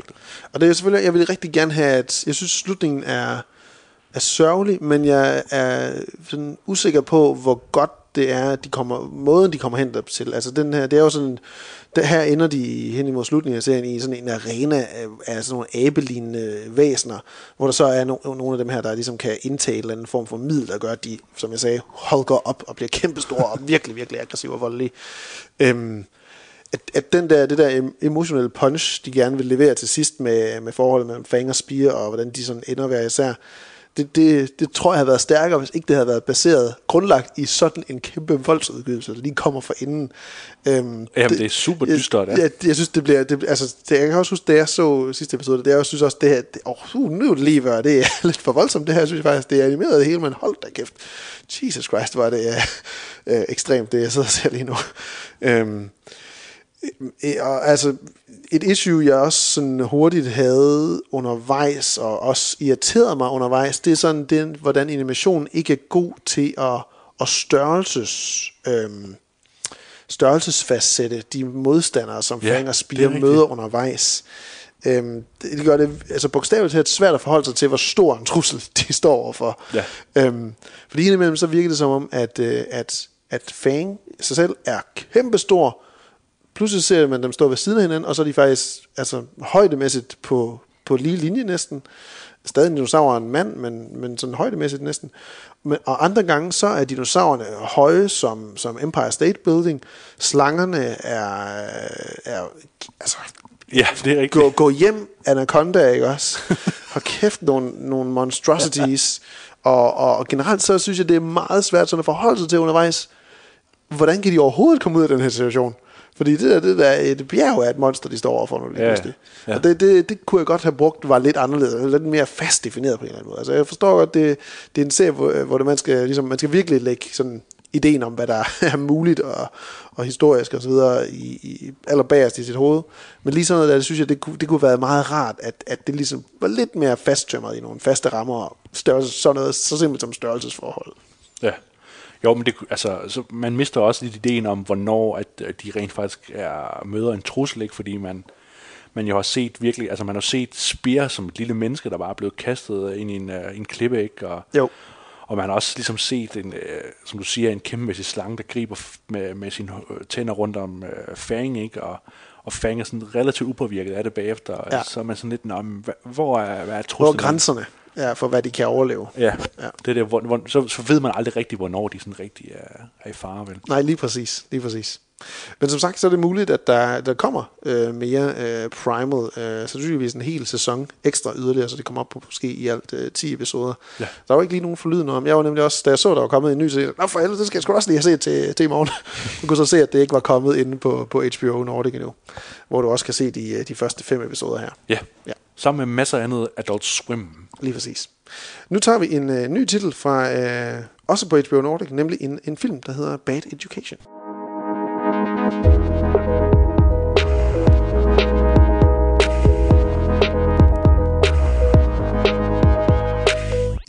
2018 der instruerede Corey Finley sin øh, instruktørdebut, nemlig Thoroughbreds med Anya Taylor-Joy og Olivia Cook, og så også med den øh, på det tidspunkt øh, nu afdøde øh, Anton Yelchin. Han var død desværre, da premieren på den film den kom.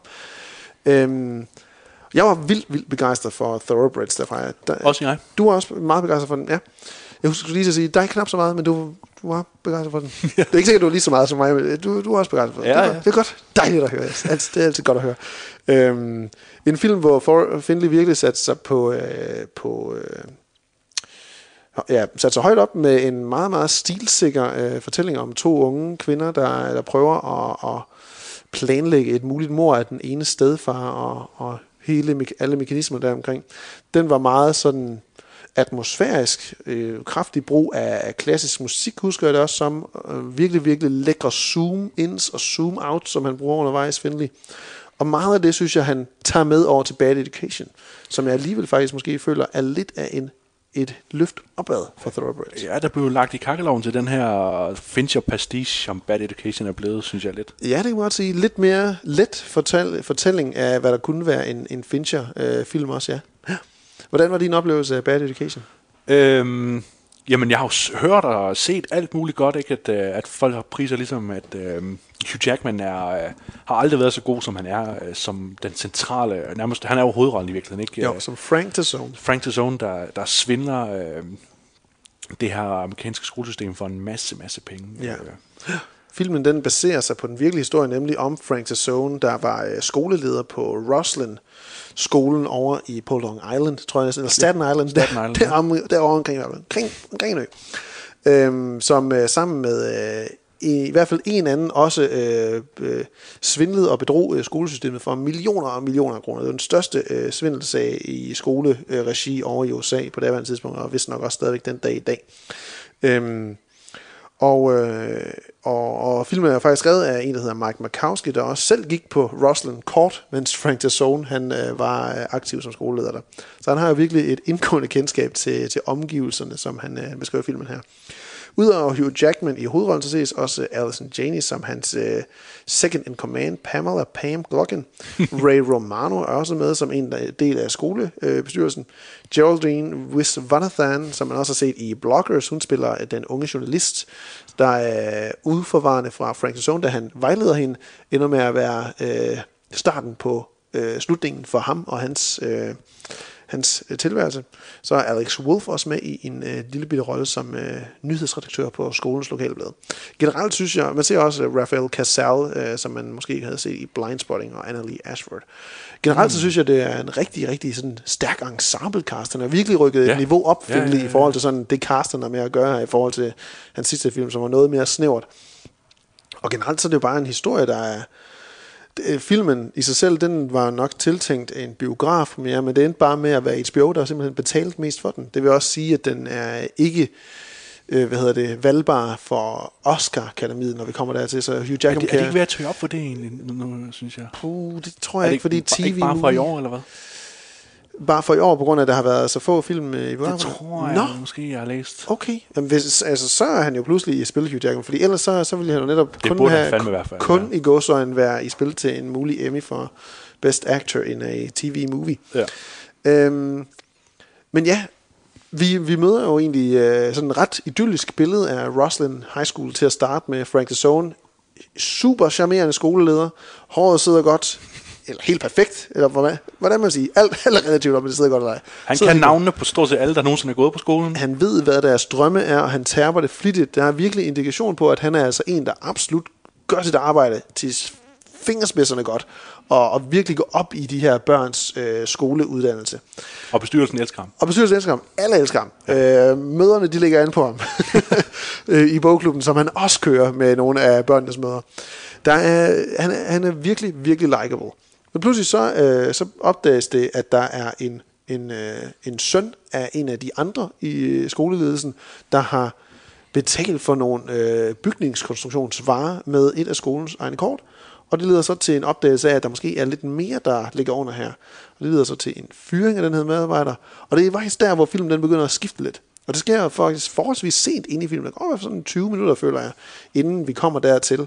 Øh, det er sådan et meget, meget roligt billede af, at alt det er godt, alt spiller. Der er ikke noget at være bange for.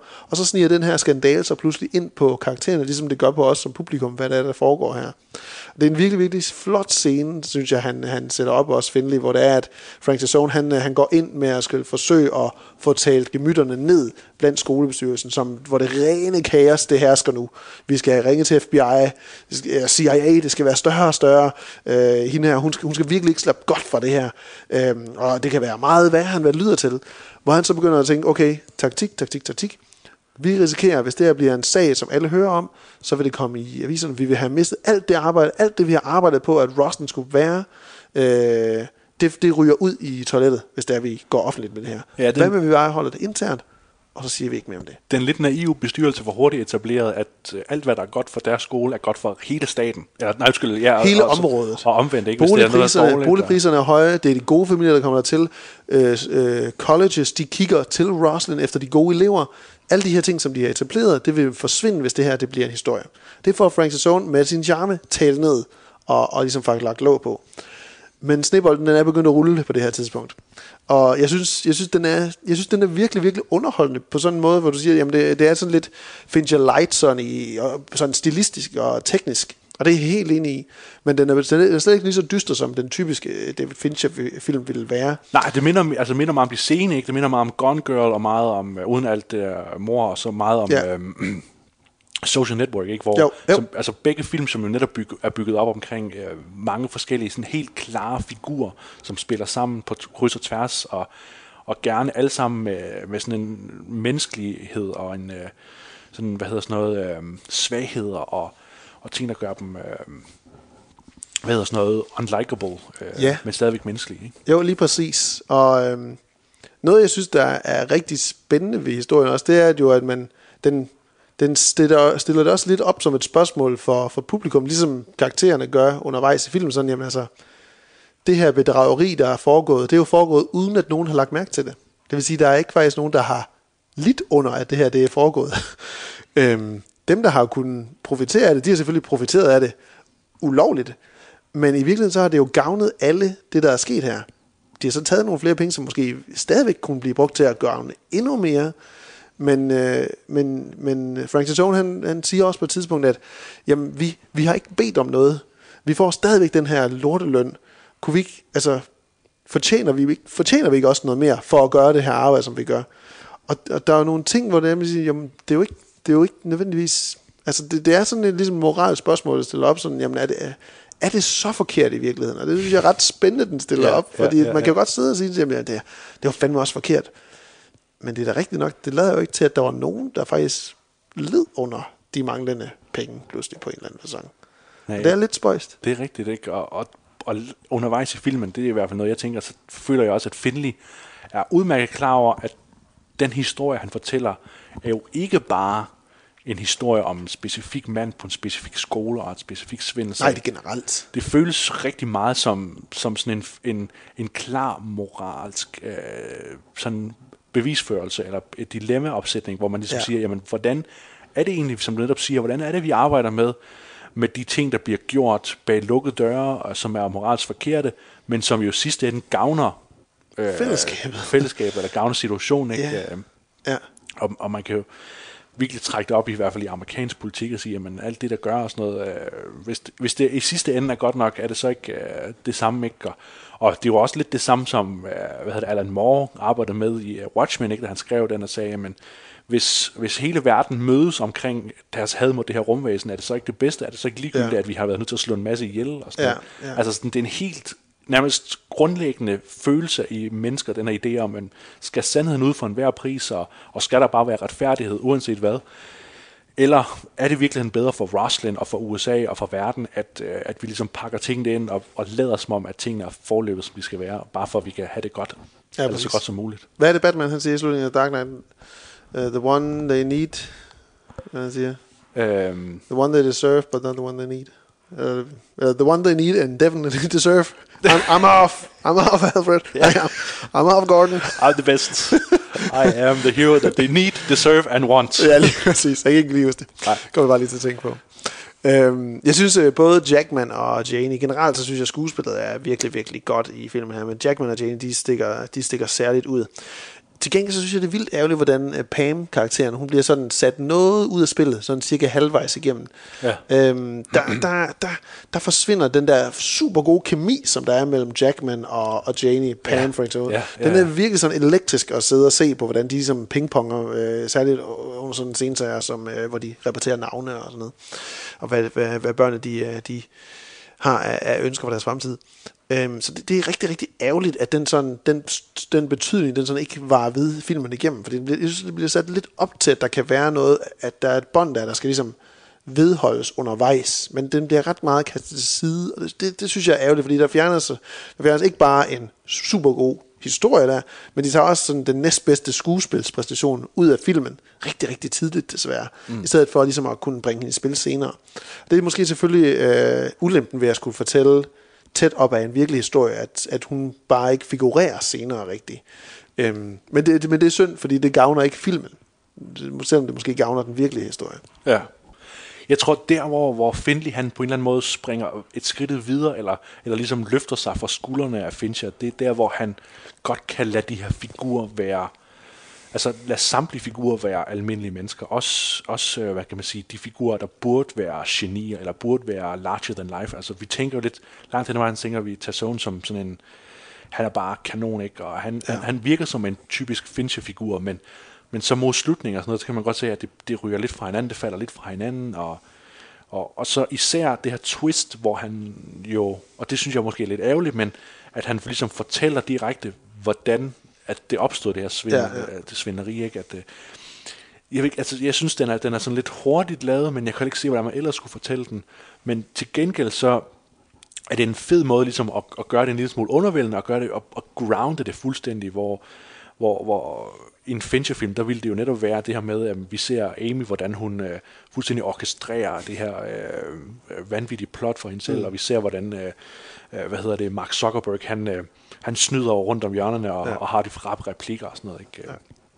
Her der bliver det meget, det bliver meget grounded, og, og det samme med, med Thoroughbreds, at det virker som rigtige mennesker, det virker som rigtige mennesker, som, som ikke er til at stole på, øh, Ja. på, på en, men, uden, men uden det sådan er, er, hvad hedder det, kalkuleret. Ja. Øh, det er sådan meget, Det er ikke ren ondskab. nej, det er bare sådan, det, det var bare det, vi gjorde, eller det er bare, ja. det var bare det, der passede, eller det var bare, Det nu, giver nu mening. tilpasser tilpasser jeg mig bare den nye situation, der opstod. Ikke? Mm. Ja. Jeg vil ønske rigtig meget, jeg vil ønske, at Hugh Jackman, han ligesom havde virkelig levet i, i den her rolle, som er en lille smule anderledes end det, jeg har været vant til at se Hugh Jackman. Jeg, men jeg kender i hvert fald mest Hugh Jackman som en, en hissigprop, ikke?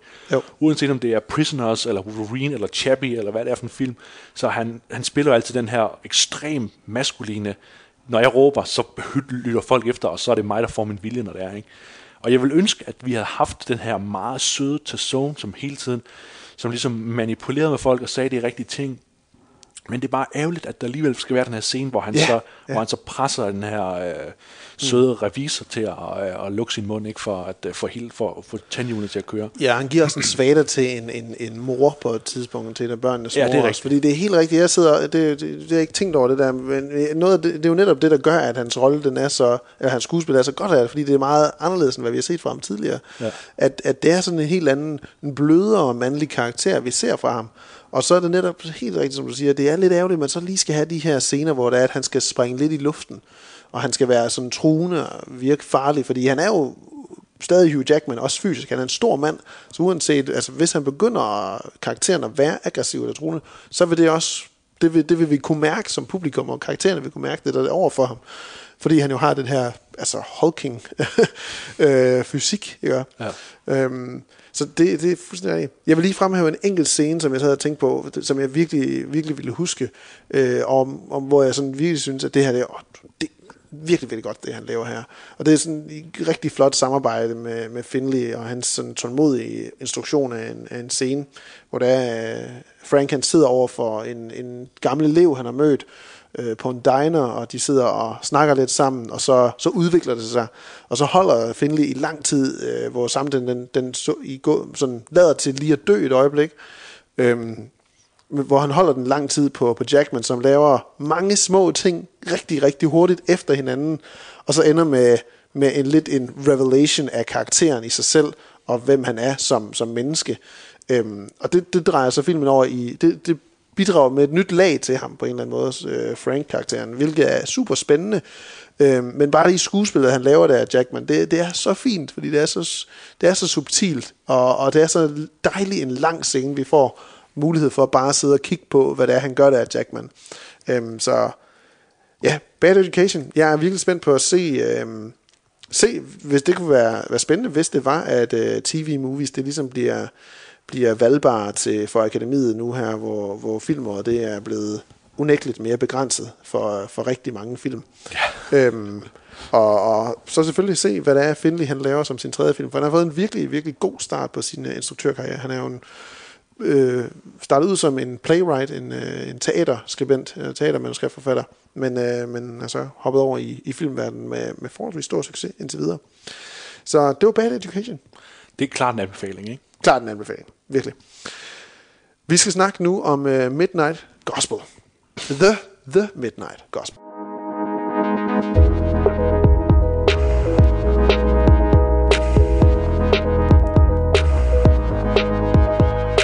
Det kan vi nok klare på 10 minutter. Nej, vi snakkede kort inden vi gik i gang om, at, øh, at du sagde til, til Maria, din kæreste, at øh, nu skal vi snakke øh, podcast i 5 timer. Og øh, ja, så jamen, at øh, Midnight Gospel i sig selv måske kunne bære det, ikke? Og, Ja. Øhm, fordi, hold op, den her serie af Pendleton Ward og Duncan Trussell, som, øh, som baserer sig på, på uddrag, primært uddrag fra Duncan Trussells egen podcast, jeg mener, den hedder Duncan Trussell øh, Family Hour. Family Hour, lige præcis. Ja. Pendleton Ward, der instruerer hver episode, som lavede Adventure Time. Ja. Øhm, den er virkelig, virkelig altså underfundigt dyb hele vejen igennem, fra første episode til, til slut. Det, det, det er Netflix' første, otte episoder. øh, første sådan rigtig avantgarde produktion, øh, vi har våget påstå. Øhm, og det siger jeg jo både sådan som en, en altså som, som om jeg, altså jeg bifalder, at Netflix gør det her, men jo også bare for at, at sige til lytteren med det samme, at det er øh, for mig at se noget af det mest utilgængelige, øh, Ja. eller svært tilgængelige, det, det mest svært tilgængelige Netflix ja. nogensinde har lavet. Det er det. Det er, altså, det er, det, det er svært at beskrive, hvor svært det er næsten at følge med i The Midnight Gospel. Øhm, fordi som sagt, så er, er, er dialogerne undervejs, de er, baserer sig på den her podcast, og så er der så lavet animation til. Ja. Og animationen har som udgangspunkt ikke noget at gøre med, hvad der bliver snakket om. Altså, altså, Næsten ikke, nej. øh, Næsten ikke. Øhm, I hvert fald meget sjældent, at karakteren de, øh, øh, reagerer på de begivenheder, de oplever nærmest. Mhm. Mm-hmm. Øhm, men tit så er det, følges de bare ad i en, i en forholdsvis løst strøm, men så kan man så sidde og tænke over, hvordan det her, vi ser, har relation til det, vi hører. Øhm, men det er det opdagede jeg i hvert fald, at jeg havde meget svært ved konstant at holde fokus på både at se, opfange, hvad, hvad jeg ser, og så prøve at, at forstå det, der bliver sagt. Fordi det er ikke bare en let snak, som det er, at øh, Duncan Trussell han har undervejs her. Serien er jo så i rammesat som en, øh, en animationsserie her, øh, hvor vi følger en, øh, en intergalaktisk univers Spacecaster, der lidt laver sin egen form for podcast, ja. øh, der hedder Clancy Gilroy. Ja. En, øh, nu kan jeg ikke, simpelthen ikke huske, hvad karakteren hedder. Jeg glemte at få research på det. Men der er en karakter i Mumitrollene, som har en høj hat. Mumrik. Mumrik. Ja. Han minder mig rigtig meget om Mumrik i sit Det er design. rigtigt. Han har sådan en hat ligesom Mumrik. Han er fuldstændig med til øh, øh, hat der, og så er bare et, et håndklæde rundt om livet i stedet for. Ja. Øhm, som tager ud til forskellige verdener gennem sin øh, simulator, mm-hmm. der er formet lidt som en vagina, Ja. øh, og besøger mærkværdige verdener øh, og underfundige væsener.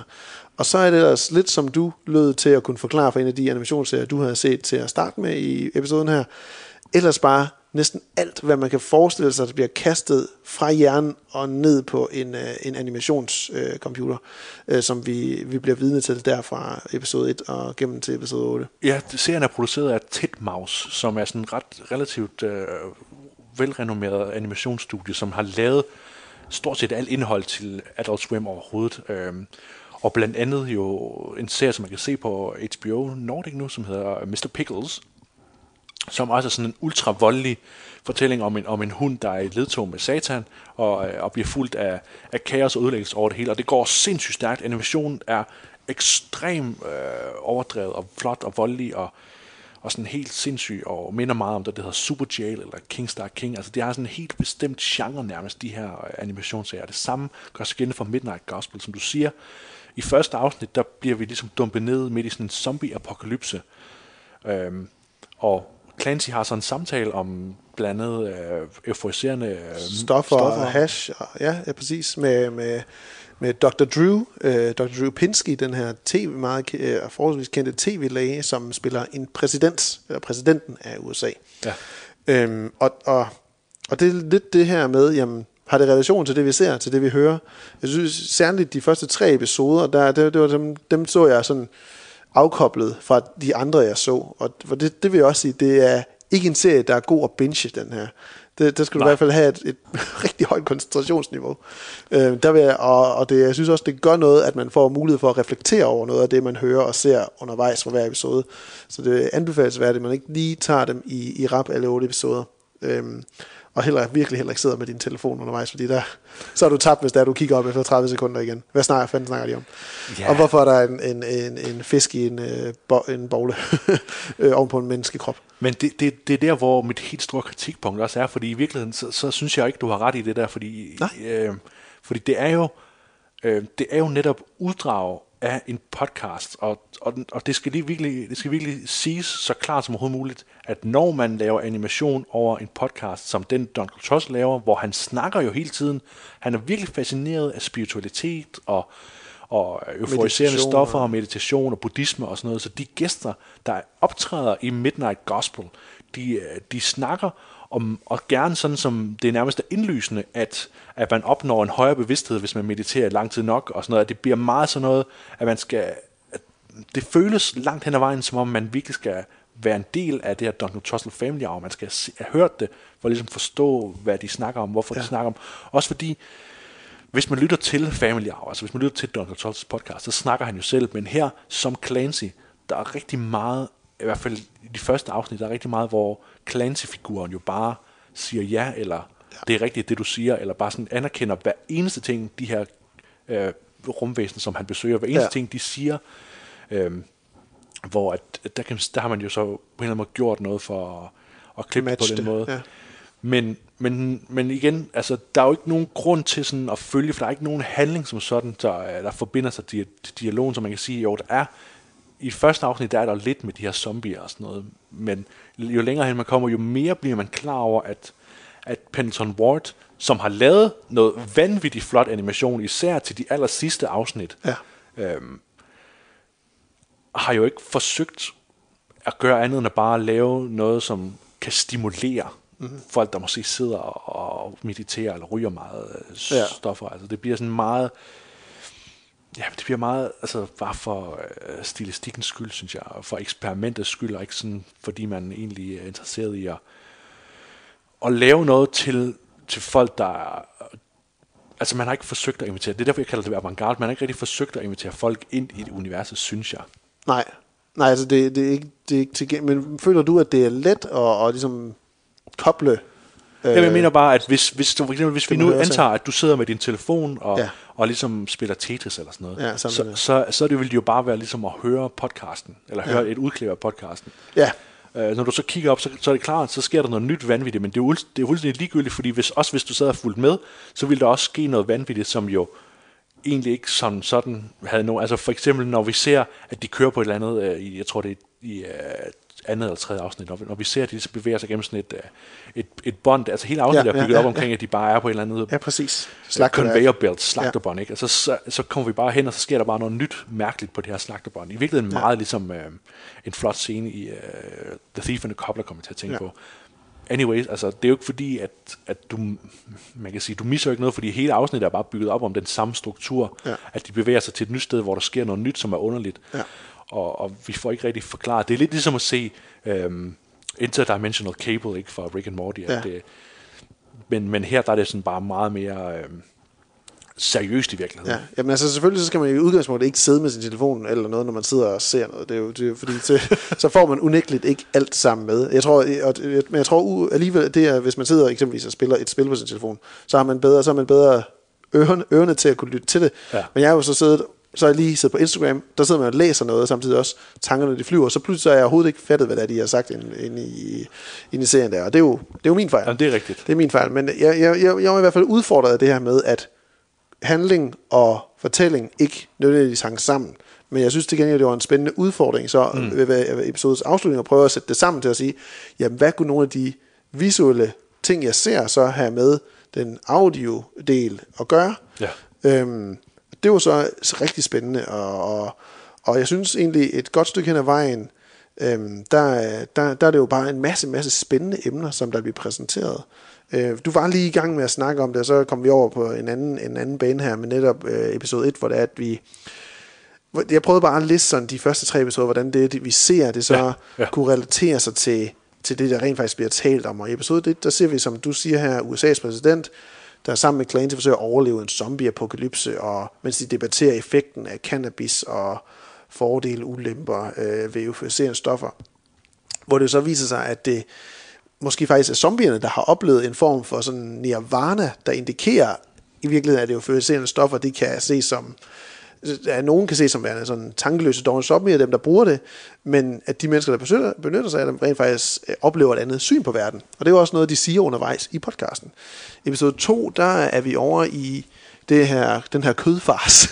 og det, altså uha, der, øh, episode 2, jeg tog en pause fra 1 og 2, inden jeg så 3 igen. Fordi jeg synes, episode 2, den var sådan, der havde jeg det virkelig stramt med nogle af de øh, billeder, man ser der i. Det, der bliver han transporteret til en klovneverden, hvor der bliver født små klovne ud af planter, som så kort efter bliver konsumeret af nogle store hjorte flodheste-lignende væsener, øh, som man så indleder en samtale med, og så kommer de ellers ind og bliver fanget ala Ocha og, og kørt på et øh, kødbånd i en slagtefabrik, mens der sker noget med de nogle klovne, der i virkeligheden er nogle slimmonstre øh, inde under klovneklæderne. Øh, igen, det er vildt syret alt sammen det her. Øh, hvor de snakker om sådan både lidt depression og meditation og sådan. Alt sammen handler det jo meget om, hvordan man kan forholde sig til, til livet og sådan livets cyklus, er der lidt i episoden der. Og, og, og ja, det, det, det, det er jo så det, den viser, at det er en kobling mellem liv og død og selve livets cyklus. Hvor det i episode 3, der ser vi så en fisk i en bogle, som er oven på en øh, menneskelignende krop, og som er kaptajn på et skib med besætning bestående af katte, øh, mens det, der ligner en normal civilisation, faktisk ligger på bunden af havet. Og det kunne jeg så tage og tolke som, at det handler om, fordi der snakker de meget om, det er faktisk med Damien Om magi. Eccles, om magi, ja, som er sådan livsstrømme, og det og, og mana, eller hvad man kan kalde det. Øh, men det er Damien Eccles, der er en af de her West Memphis 3, øh, som blev anklaget for øh, mor af et barn tilbage i 80'erne. nok. Det var ret spøjse gæster, han har med undervejs, men som er med inde her, øh, hvor de hvor det er, at man så vidderligt ser dem gå igennem hjernen på et tidspunkt, og hvilke sådan distraktioner hjernen kan få nogle gange, inden man kommer til sådan en reel klarhed. Øhm, og, og, og hvordan så kan man læse, at civilisationen dem, den står under et tungt, tungt lag vand, fordi de ikke formåede at komme oven vande, altså de ikke formåede at frigive hjernens tanker på, på øh, for øh, til at kunne slippe fri.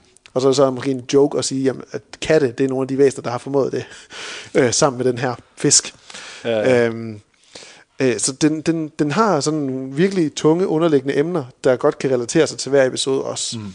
Øhm, og jeg er so far de første episoder forholdsvis øh, stimuleret også. Øh, også lidt øh, altså disgusted, særligt over den her episode 2. Øhm, men så, så blev jeg virkelig, og det, og det kan være rigtig godt, altså nogle gange så, så, så underholdning, det kan være super godt, bare fordi at det, det fortæller noget til en, der kan være interessant, og man kan sidde og tænke, nå ja, okay, det er sådan, havde jeg ikke tænkt på det. Men jeg synes, når det er, at man så føler, at noget taler direkte til en, eller sådan, man virkelig bliver taget ind i det, så, så, så griber det jo hårdt fat i en. Den oplevelse havde jeg så med episode 5, 5 Annihilation of Joy. Den synes jeg var enormt spændende. Der følte jeg jo virkelig, det her, okay, det her, det synes jeg, det taler meget til mine egne funderinger omkring livet. Her i der begynder de at snakke noget omkring, hvordan håb, det kan være en sådan af de største faktorer til, at folk de bliver ulykkelige i virkeligheden. Fordi man håber, ting sker. De sker ikke. Man tager den negativitet med fra skuffelsen videre i sit liv, som bliver ved med at blive sådan en større og større kugle, der kan op, bygge sig inde i sig selv. Og hvordan det med, at man skal lære at give slip på selvet, det er en vigtig del af at kunne nyde verden. Hvis der man giver slip på at håbe omkring ting, og ikke ser håbløshed som noget negativt, så er man faktisk mere i kontrol over sit eget liv. Så er man mere i kontrol over de beslutninger, man træffer, hvis man er til stede i sig selv, og ligesom er i stand til at som sagt, slippe håbet, så er man ikke, så er man ikke styret af nogle udefragivende øh, faktorer, men man er meget mere i egen kontrol. Der, jeg fandt en, en tråd på Reddit, der snakkede noget om det samme også, og øh, bare lige kort læst op om, om en lille kort ting af det. Uh, it's the perception of emptiness and the fundamental clear light of existence. The, relinquish, the relinquishing of the idea that you have an individual self is the ultimate orgasm. Not having a self leaves pure presence and the ability to experience things without self narration or attachment. It's freedom. Jeg synes virkelig, det var en spændende episode, hvor man undervejs visuelt ser en fange i et eller andet intergalaktisk fængsel, hvor der er nogle af de væsener, vi har set i foregående episode, der også sidder her. Øhm, hvordan han bliver ved med at dø og dø og dø og dø og dø og dø og dø, dø, dø indtil det lader til, at negativiteten er blevet taget ud af ham, og han så er i stand til at give slip, og på den måde tage kontrollen over sit liv, og, og komme ud af den bane, han ligesom stod ind på. Så for mig så er attach, uh, ikke attachment, uh, annihilation of joy virkelig den, der sådan, okay, nu er jeg med. nu er jeg med på, hvad det her det er, det, øh, det gerne skal gøre. Og det er jo så helt afhængigt af, hvem man er som person, hvilken episode, der måske også vil tiltale en mest. Fordi det netop har så forskellige indvirkninger. Eksempelvis den sidste episode, kunne jeg forestille mig, ville have rigtig stor betydning for nogen, der måske har mistet en forælder, eksempelvis. Den tror jeg vil være, ligge rigtig hårdt der. Eller også bare har børn i virkeligheden. Altså, jeg har ikke, jeg har ikke øh, mistet nogen øh, på den måde, men jeg synes virkelig, at afsnit 8 er øhm, et afsnit, man, altså uanset hvad, så synes jeg jo, man skal gå ind på Midnight Gospel og så se bare det afsnit der. Øhm, ja, det kan godt stå på egen bener. Øhm, for, altså, jeg synes langt hen ad vejen, det, det fylder for meget, altså sådan Duncan Trussell, når man har hørt hans podcast, noget, så ved man godt, hvad hans sådan, MO er, hvad hans øh, filosofi ligesom er, at det er bare, at alt skal være, det skal være, det hele er vigtigt, og alt, hvis der har et eller andet med spiritualitet at gøre, og det bliver bare, for at sige det med et øh, godt dansk udtryk, noget New Age bullshit langt hen ad vejen. Øh, Øhm, serien bliver udgivet meget passende på øh, den 20. april, altså den her stoner-ferie, hvor Duncan Trussell tilfældigvis også er født. Okay. Øhm, og der synes jeg, jeg kan rigtig godt lide afsnit 5, men det er også meget fordi, at, øh, at animationen er så flot. Der, der ja. sker ligesom noget med den her fange, som vi følger, at han får ligesom, hver eneste gang han dør, så får vi sådan nogle vilde flashes af noget, sådan noget lidt anderledes animation, som ser helt... Uh... Og det bliver heller ikke lige så grotesk der, føler jeg. Jeg synes, det, nej, der er vi gået nej. væk fra, at det ligesom er så, igen rigtig meget indvolde, eller dæmoner, der kommer ud af røven på en eller anden mærkelig øh, blond øh, prins i et eller andet mytisk land. Øhm, det, det bliver sådan lidt mere tilgængeligt, synes jeg faktisk, den episode. Ja, ja, fordi det bliver hurtigt sådan noget typisk, øh, sådan noget postironisk amerikansk humor meget det her, hvor at, at jo mere åndssvagt og jo mere gakket er det sådan Tim and Eric eller Eric Andre, Andre show eller sådan meget det, der er på Adult Swim, så bliver det meget sådan, jo, hvis det er absurd og gakket nok, så er det virkelig underholdende, virkelig ja. sjovt. Øhm, og der kan man sige, at er Shivering Truth ikke på samme måde, Jens? Jo, på en måde, men jeg synes bare, at Shivering Truth er så tæt pakket i sin variation af det, at det bliver aldrig til tider gør det, men det bliver aldrig sådan som, som det her og mange af de andre ting på Adult Swim. Det bliver aldrig sådan noget, hvor man svælger i, at, at den her ens isolerede stil er fin nok.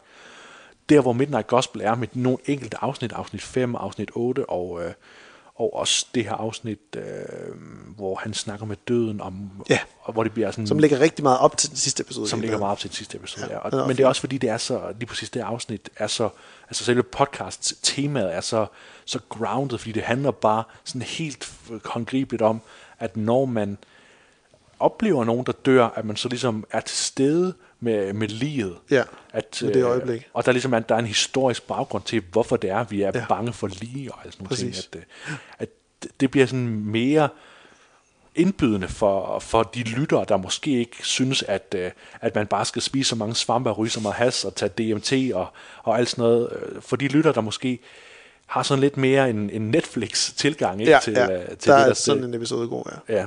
Jamen, det er helt rigtigt, fordi det bliver meget, okay, alt det her er godt, og det er med til at, og det kan medvirke til, at du får en langt bedre opfattelse af dit liv, og dit jeg, og hvem du er som person og menneske. Men hvis det er, man tager alt det, så er det jo en kæmpe stor mundfuld at skulle prøve. Hvis det er, man virkelig ønsker at prøve at ændre på sig selv, så, så vil det jo næsten være umuligt at gøre alle de her ting. Øhm, ikke uden at støde, støde nogle andre mennesker eller måder at leve sit liv på fra sig. Fordi skulle man gøre det, så vil man nærmest ikke kunne være en del af samfundet med mange af de ting her. Ja, føler det er det, det er jo Øhm, men det, jeg synes, det er inspirerende at lytte til, når det er, man først fanger ind på præmissen af, af sådan seriens opbygning med det audiovisuelle og audiovisuelle og det rent visuelle. Mm. Øhm, og det, jeg synes, det er spændende at lytte til dem, der fortæller om, hvordan deres oplevelse med den her form for spiritualitet eller meditation. Der, han har også en kort, en kort interaktion med en, en meditationsguru, der hedder David Nickturn, øh, i en episode, jeg også synes er ret fin. øh, hvor, hvor den, er, den er forholdsvis kort, men den, altså det handler igen meget om, hvordan man kan give slip på nogle negative følelser, og på den måde øh, bare få et bedre syn ind på sig selv og på de hvad skal man sige, bekendtskaber, man har i sit liv. Og det er jo alt sammen i virkeligheden bunder jo af positive energi, tanker og, grundlag for at gerne vil lave positiv energi og sprede det ud i, i verden. Øhm, men det bliver meget, øh, og meget af det samme også. Fordi i virkeligheden så, så føles det nærmest bare som om, at hvert, at hvert episode det bliver sådan et nyt kapitel af samme bog på en eller anden måde. Ja. Det, er ikke nødvendigt, det er ikke nødvendigvis så meget anderledes fra episoden, der lige er gået forud. Øhm, men, men det er interessante samtaler hele vejen igennem, og, og altså igen fra Annihilation of Joy episode 5, det kan være langt for nogen at komme dertil, øhm, men, men der, der var jeg virkelig hugt, øh, hugt fra det. Men der er jo ikke, du siger, der er jo ingen grund til at binge i den her øh, tv-serie. Det, altså, Netflix burde være nået til et punkt, hvor de kan servere indhold på andre måder end som, en, som enkeltstående film, eller som, en- som en række af episoder. Altså forstået på den måde, at jeg kan ikke helt gennemskue hvordan, men der burde være en eller anden måde, hvor man kan øh, få Midnight Gospel som, altså som, hvor man kan udvælge. Mm. Øh, og så ligesom sige, jamen det her lyder interessant, eller det her afsnit, det virker som noget for mig, og så ligesom på den måde. Og så ikke på nogen måde, fordi man må aldrig, man må ikke misforstå, det her, det er jo ikke overhovedet en, det er jo ikke noget med en serie at gøre, det er jo ikke en serie på nogen måde. Der er et enkelt afsnit, hvor at Clancy, han, øh, der ligesom er en eller anden konflikt i afsnittet med, at nu er han oplyst. Nu Ja. behøver han ikke at rejse ud i verden længere, for nu, har han op, nu er han blevet oplyst. Ja. Og Der, så- er en lille, der er en lille bitte tråd nogle af episoderne imellem, men det er ikke, det er ikke hovedpointen af hver episode, den her narrative tråd, eller hovedpointen af serien. Det er ligesom fortælle de interviews, han laver, det er nok mere pointen der i sig selv. Ja. Så man kan godt se det separat. Og så har de har jo tydeligvis optaget enkelte øh, Ja, lydbider bidder. For at få det til at passe lidt bedre til den animation, vi så ser. Ikke? Ja. Så der ligesom er noget, der, der hooker det op. Og der er, også, der er også en ret, ret fint sted, hvor der så er en, der kommer til at kalde Clancy for Duncan. Ikke? Det har med David Nixon, jeg er sådan lige Ja. visker, Clancy. Ja. Clancy. Oh, og, så, og så griner de bare. Og det gør uh, Duncan Trussels mor også, som jo spiller Clancy's mor også i slutningen af episoden. Der, der tiltaler hun jo også Duncan i stedet for Clancy. Det er rigtigt, ja. Ja, så der er de her lidt, det er, det er sådan lidt spøjs og lidt brydende med det, men på en eller anden måde, når man ser det univers, som de skaber, så gør det ikke det store, virkeligheden. Det virker bare som en del af det her virkelig, virkelig, den her forskruede fantasi, som man er vidne til, og de her konstant udviklende scenarier, som vi præ- de er præsenteret for, at det, sådan, det, det gør ikke det store, at indimellem så bliver der faktisk sagt et forkert navn. Man forstår stadigvæk, hvad det er, det handler om. Ja, for det, det bidrager jo bare til det, det sådan store kaos, som, uh, som, Det er- som serien er. Det er præcis det endelige øh, kaos. er. Ja. Øhm, der, altså, jeg vil sige virkelig, det her afsnit med, med moren, ikke? jeg lyttede til uh, podcasten Nå, i sig selv også. med hans mor bagefter, og, og den er altså også bare fænomenal, ikke? Ja. Øhm, fordi han bliver så rørt, og Ja. ja.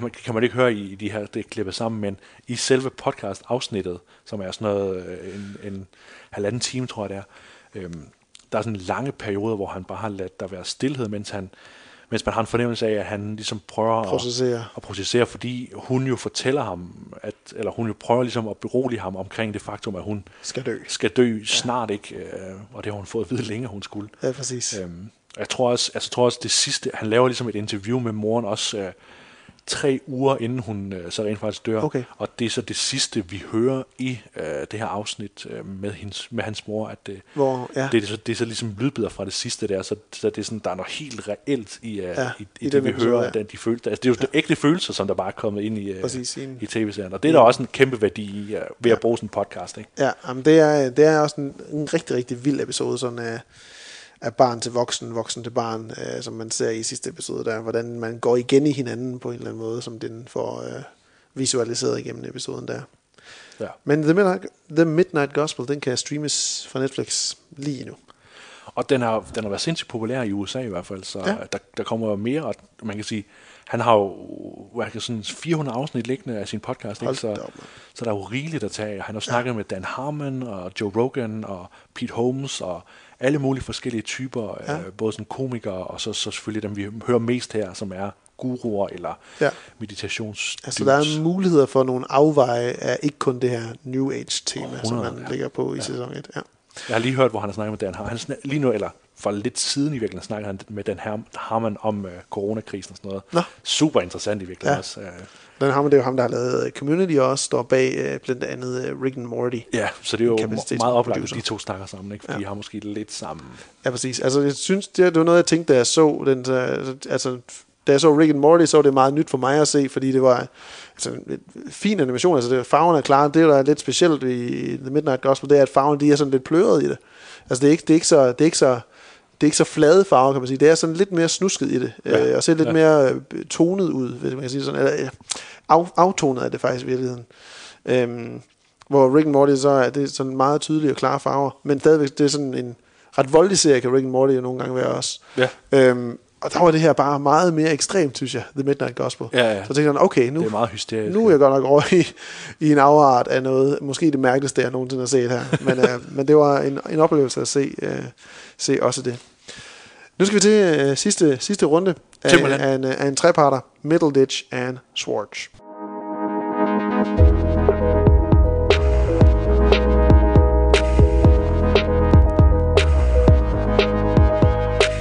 Middleditch and Swartz, det er en, øh, en treparts øh, special af impro-shows, som Thomas Middleditch og Ben Swartz, de har lavet, og øh, som de jo har turneret med i lang tid. De har lavet har de. impro-comedy sammen i, øh, i mange år. De har i hvert fald gjort det hver for sig i, i 20 år. Øhm, og, og det her det er sådan det første forsøg, altså, som du sagde, til at starte med sådan long form øh, impro på en platform så stor som Netflix. Øhm, Det har været let tjene penge på en eller anden måde, ikke? det har det. De har vidderligt ikke... Altså, de skal jo kunne deres impro-skills og teknikker, men som de siger i starten af hver episode, så har de ikke forberedt noget som helst.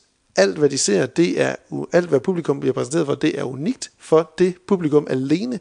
Øh, som de også siger i allerførste episode, så det er, at der bliver ikke optaget, så der er ikke andre, der kan se det, undtagen lige det her, fordi det bliver vist på Netflix. øh, men ellers så er alle shows helt unikke og baserer sig på en historie, de får ud fra publikum øh, den givende aften. Så hvis man forestiller sig øh, en af de her bider fra Hatten Rundt, eller fra Whose Line Is It Anyway, eller øh, rundt på gulvet, hvis man forestiller sig en af de her bidder strukket ud til 50 minutter, Så er det præcis det samme. det er præcis det der, ikke? Med to mennesker. Bare uden Andreas Bo og Christian Fuglendorf og fuck Niels me. Olsen. Ja, fuck me, hvem ellers det skulle være, ikke også?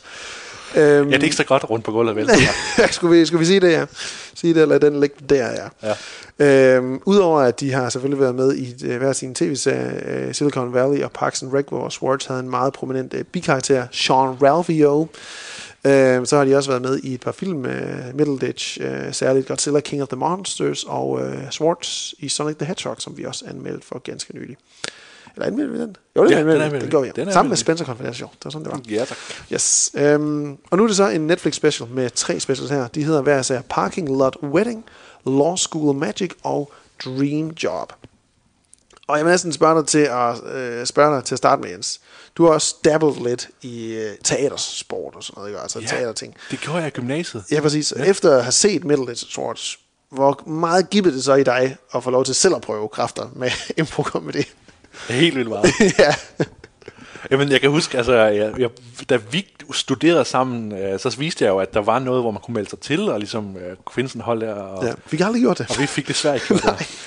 Hvad satan? Men øh, i, og i, st- du ved bare, i virkeligheden bare det at, at få lov til at kunne gøre det med dig og sådan noget, tror jeg. Vi, altså en gang imellem, når vi har, øh, vi har drukket os mod til og sådan noget, så, så kan vi godt lide at køre op i sådan en, øh, den der, øh, hvad hedder det, SNL-ting, som øh, øh, Fred Armisen og Kristen Wiig laver, hvor de sådan sidder Ja, og, og synger en sang sammen. Ja, lige præcis. Ja. det er skønt. Så det, det, det gad jeg rigtig godt have mere, mere af, Ja.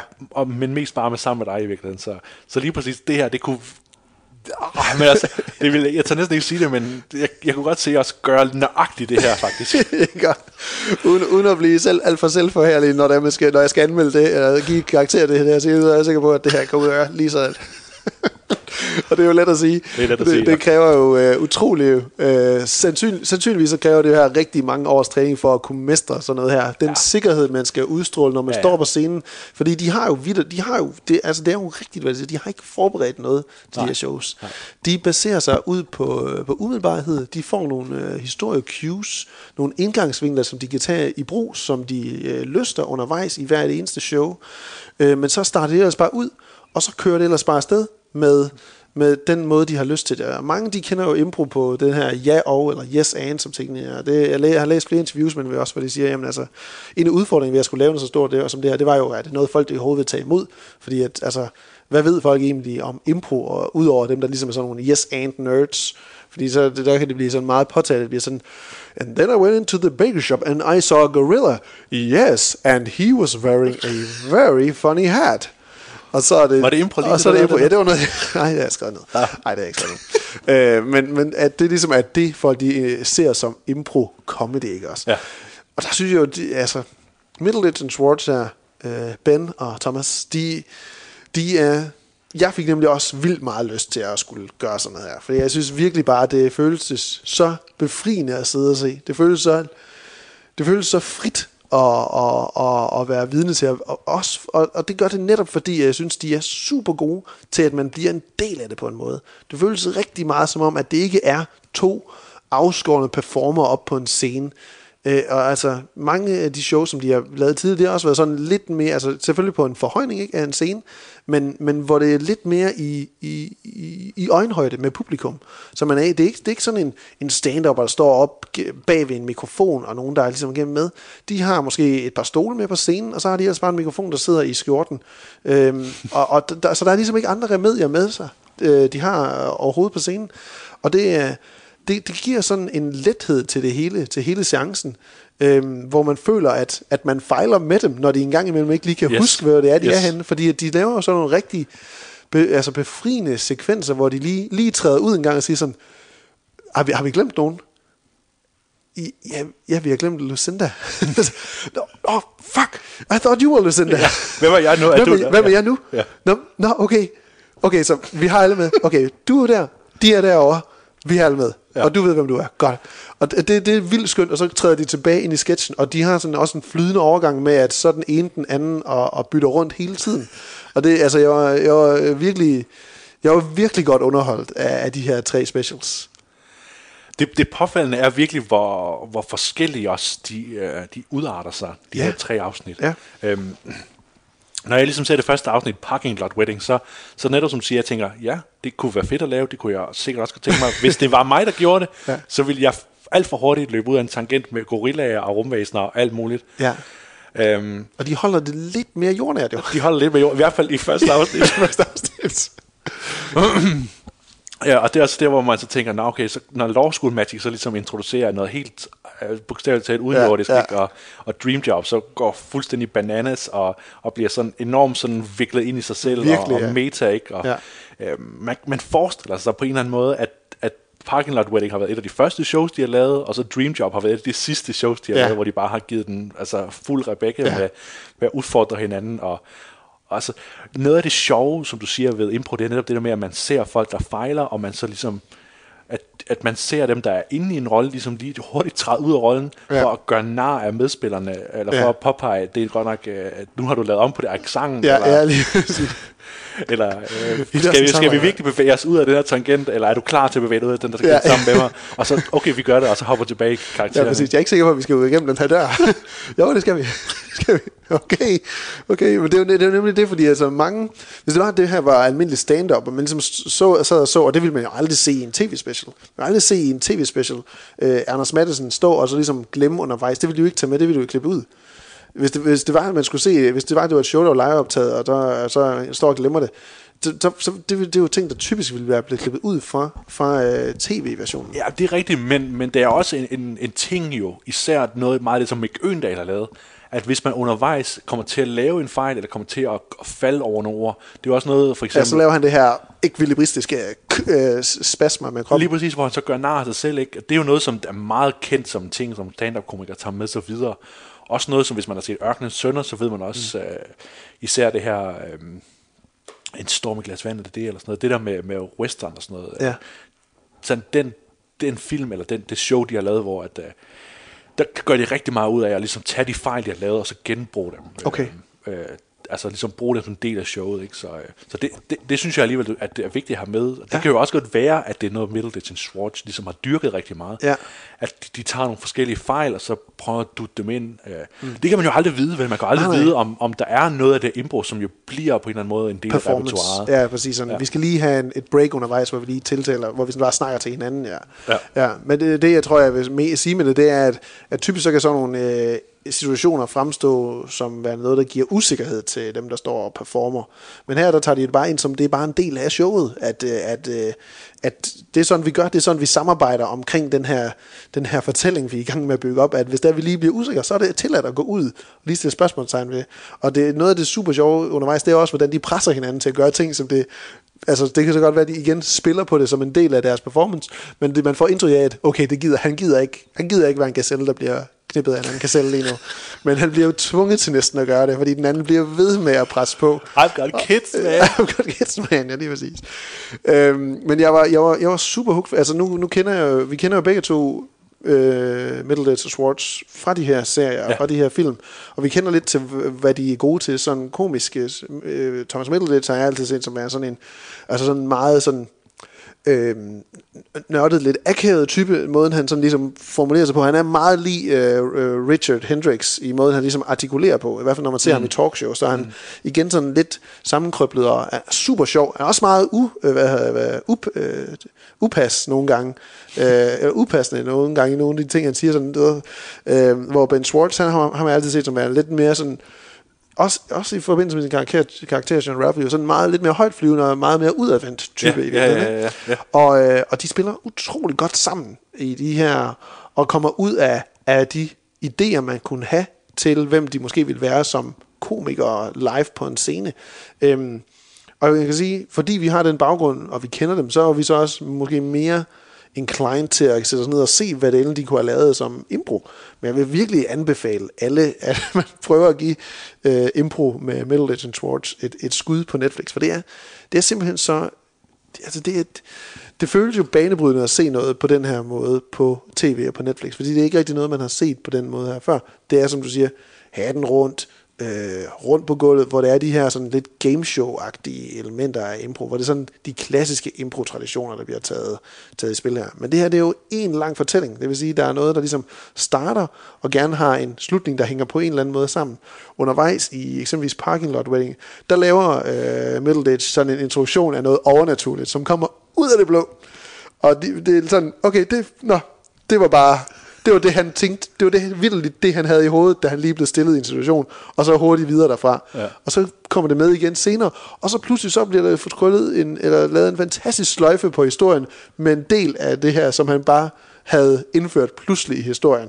Det, det spiller super godt. Jeg synes sådan historiemæssigt, der er det den parking lot wedding, der sådan hænger bedst sammen, hvor jeg tror, jeg grinte mest af Law School Magic, fordi det blev så vanvittigt absurd undervejs, og kom så langt væk fra den historie, der ligesom havde, var indgangsvinklen til den, hvor, hvor Dream Job bare var vildt, vildt forvirrende til sidst, men stadigvæk super underholdende. Dream Job, det er klart mit. Jeg har set The Dream Job to gange. Ja, det kunne den, den var, Ja, okay. øh, men, men det er fordi, jeg bare så godt kan lide det der element af, at man hele tiden fejler, og ligesom stopper op og træder ud af sig selv og siger, hvem er du nu? Og, Ja. ja. Men hvem er jeg udadvendt, og hvem er jeg indadvendt? Og, og, og nu gør vi det her, og nu, nu, nu er vi i New York, og det er virkelig, nu siger vi New York-agtige ting. Ikke? Og, Ja, lige præcis. altså, det bliver, den der totale metahumor hele vejen igennem, den Ja. er et sokker for. Ikke? Ja. Jeg synes, jeg synes personligt, at man skal starte med, øh, med afsnit 2, hvis man skal gå i gang med at starte med afsnit 2. Øhm, hvert afsnit er jo bygget op omkring, at man lige spørger ind i publikum, Publikum, ja. om noget, de glæder sig til. Eller, Øh, eller frygter. Eller frygter, al- altså et eller andet, der skal ske i fremtiden. Ikke? Øhm, og afsnit 2 er så, så nemt at følge med i. Det er derfor, man skal starte med det, fordi det er så, så, så, så simpelt, en simpel opsætning. Også, øh, altså man kan sige, selve impro-situationen foregår isoleret i et klasseværelse. Altså de figurer, der optræder, de er kun i klasseværelset, så derfor er det rimelig nemt at følge med i og forstå, hvor, hvor jeg synes for mig, der var parking lot wedding måske det, der var, der var mest vanskeligt. Fordi øhm, man skal netop forstå, at de er jo to mennesker, men de, de kan godt lige introducere rigtig mange figurer, Ja. øh, og de er nødt til at bruge rigtig mange figurer i Parking Lot Wedding, fordi det er jo et stort bryllup, ikke? Så, Ja, det er jo næsten blevet en meme i sig selv, noget der bliver sagt, når man er sådan, I'm loose, ja. loose. så, ja.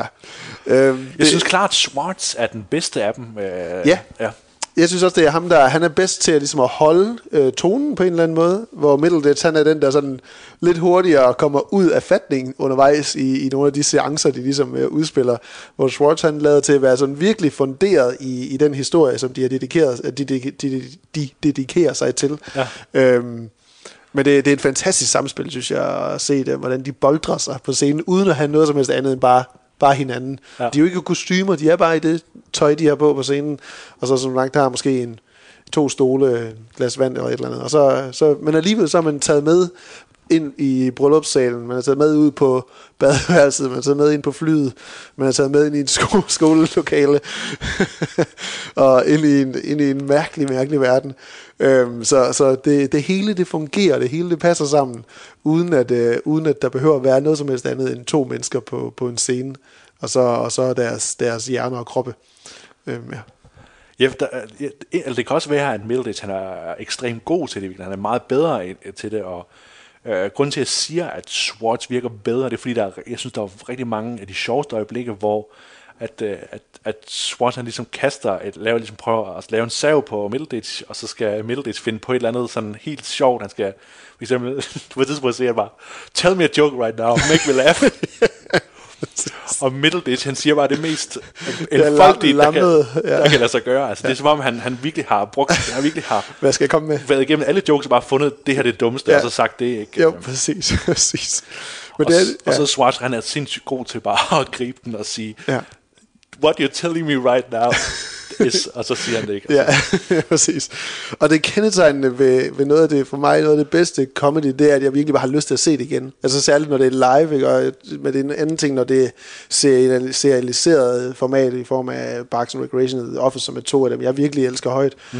Øhm, men når det er live performances, der er det jo ikke, man har jo, så har man jo hørt, man har jo hørt jokesene på en eller anden måde. Øhm, men i det her, fordi det er så for t- øh, historiebaseret, alle de her tre shows, så har jeg virkelig meget lyst til at se dem igen. Når det er, jeg bare skal ligge på en yogamot derhjemme og strække min fucking ryg, hvad hedder det, skoliosede ryg øh, i nye vinkler og så videre. Det er, ja, og nu ser man selvfølgelig mig som øh, Quasimodo fra øh, fra Notre Dame. Og det er jeg glad for, så kan jeg kun øh, overraske positivt så gå ud fra. Ja, ja. Hvis man nogensinde ser mig virkelig. Øhm, men, øh, men vildt, vildt begejstret for Middleditch and Swartz. Øhm, som kan ses på, på Netflix. Alle tre episoder. Og som de selv har sagt, øh, så håber de jo, at det bliver en, en stor succes. De kunne rigtig godt selv tænke sig, der er jo mange, der er skadet til dem, efter den kom ud, at åh, kom til Australien, kom til Stockholm, kom til Berlin. De kunne virkelig godt tænke sig at komme ud, udenlands, og det er jo der, sådan noget som, jamen altså, ser Netflix en mulighed i det, øh, en succes i dem, så er det jo også sådan noget, hvor de kunne få de penge til at, at rejse udenlands og prøve at lave de her shows i, i andre lande. Og kom de til Danmark, så vil jeg jo jeg vil virkelig gerne. vil vi sidde der. Så vil vi se, og vi vil bare, må vi komme med? vi kan det også. Og det vil sige, det har vi hørt før, I skal blive siddende. Ja. ja. Og det kunne vi skulle åbne for Middle Detention. Og det kunne være, ja. ja. Jamen altså, Sikke og. Jens, Dreby og Jensen, det kan, I, vi kan ses på et gadehjørne nær dig snart. Hallo, det lyder godt nok, det der.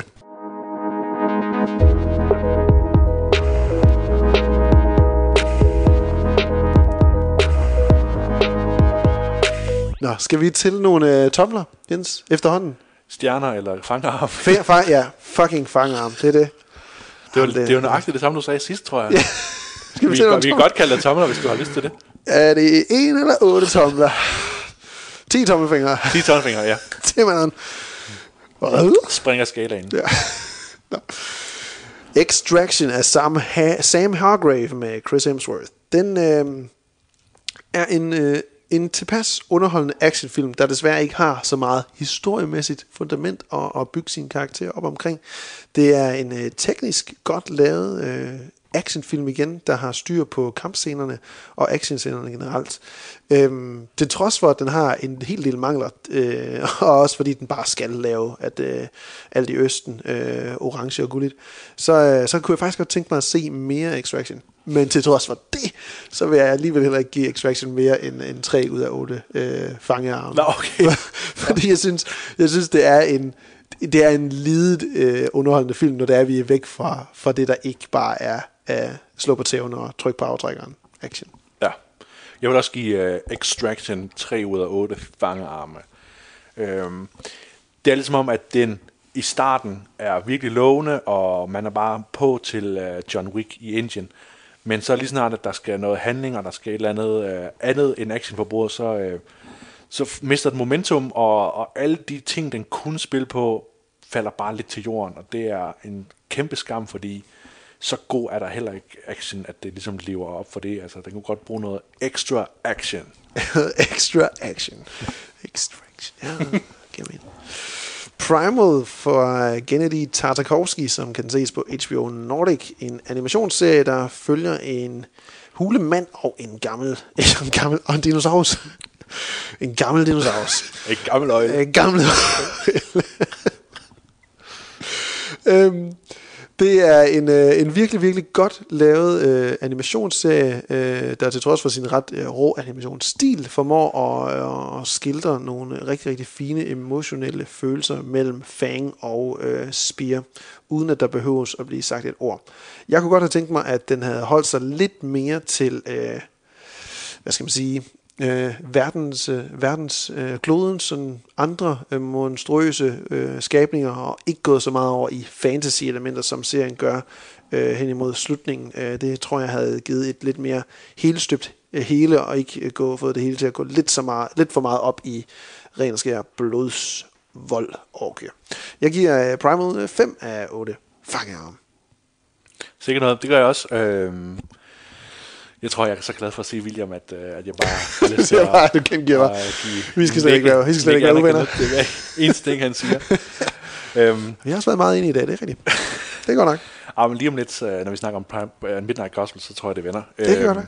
Nå, Primal er jo øh, fin animationsunderholdning, men lidt ligesom Extraction, så virker det lidt som om, at når man sidder øh, midt i en coronakrise og kan se hvad som helst, så øh, er der ting, der både kan lidt mere i den voldelige afdeling, og så er der også ting, der kan lidt mere i den flotte animationsafdeling. Man kunne for eksempel se den nye sæson af Samurai Jack øh, lang tid før man så den her sådan lidt øh, man kan sige, uh, rutinepræget animationsserie. Efter allerede fem afsnit, så virker det meget som om, at det er de samme greb, der gør sig gældende. Og, og det er lidt synd jo, fordi at der burde være kæmpe potentiale i sådan en Red Turtle voldelig-agtig uh, animationsserie, som Primal jo er. Ja. Øh, så 5 ud af 8. Det er Også derfra. Bad Education af Corey Finley, som kan ses på HBO Nordic. Øhm, er det det bedste, vi har set fra Hugh Jackman? Det kan sgu godt være, det er, at det er det bedste næsten. Det bedste næsten. Øhm, han, er, han, er, han er ybercharmerende som øh, Frank Tassone. øh, bliver desværre måske en, en kende for, for skræmmende øh, unødvendigt, der, der skal stikke tilbage til sådan andre typiske øh, Hugh Jackman-karakterer. Men øh, det trods for, at den er baseret på en virkelig historie. Jeg kendte ikke selv historien på forhånd, og det er jo altid noget, der har indvirkning på ens opfattelse af af film og seriers øh, sådan skildring af de begivenheder, man så, man så kender i forvejen. Der, der, der synes jeg, at filmen var god til at overraske undervejs. Den var god til at præsentere et bredt karaktergalleri og give alle en idé om, hvem de er. Øh, Finley han leder et, et stærkt ensemble af et bredt cast med karakterer og personer, man har set fra, fra andre øh, roller. Øhm, og Finleys generelle instruktion, den, den lader bare til at, at, at, at strømlines mere og mere oven på, på Thoroughbreds. Og jeg er vild med at se efter, hvad han, øh, han kommer til at lave fremadrettet, og forhåbentlig også mere eller det her arbejde fra Hugh Jackman. Øhm, jeg giver øh, Bad Education 7 af 8. Sådan.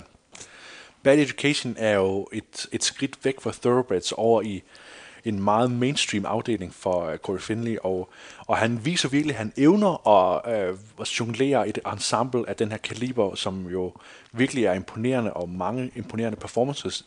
Bortset fra det, eller på trods af det, så mangler jeg bare lidt ekstra fra uh, Hugh Jackman, og lidt ekstra fra Alison Jenny, og lidt ekstra fra Geraldine, uh, Geraldine Vin, hvad Vis Vanathan. Vis Vanathan, ja. Jeg har læst det mange gange.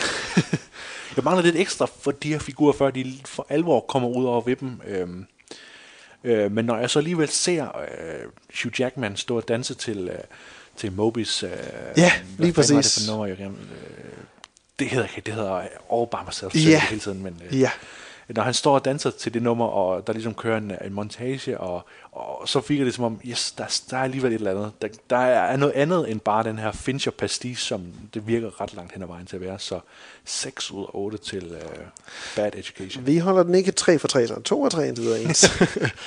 I uh, The Midnight Gospel, der bliver jeg uh, mere udfordret, end jeg længe har været for at skulle følge med i, i hvad det, jeg sidder og ser.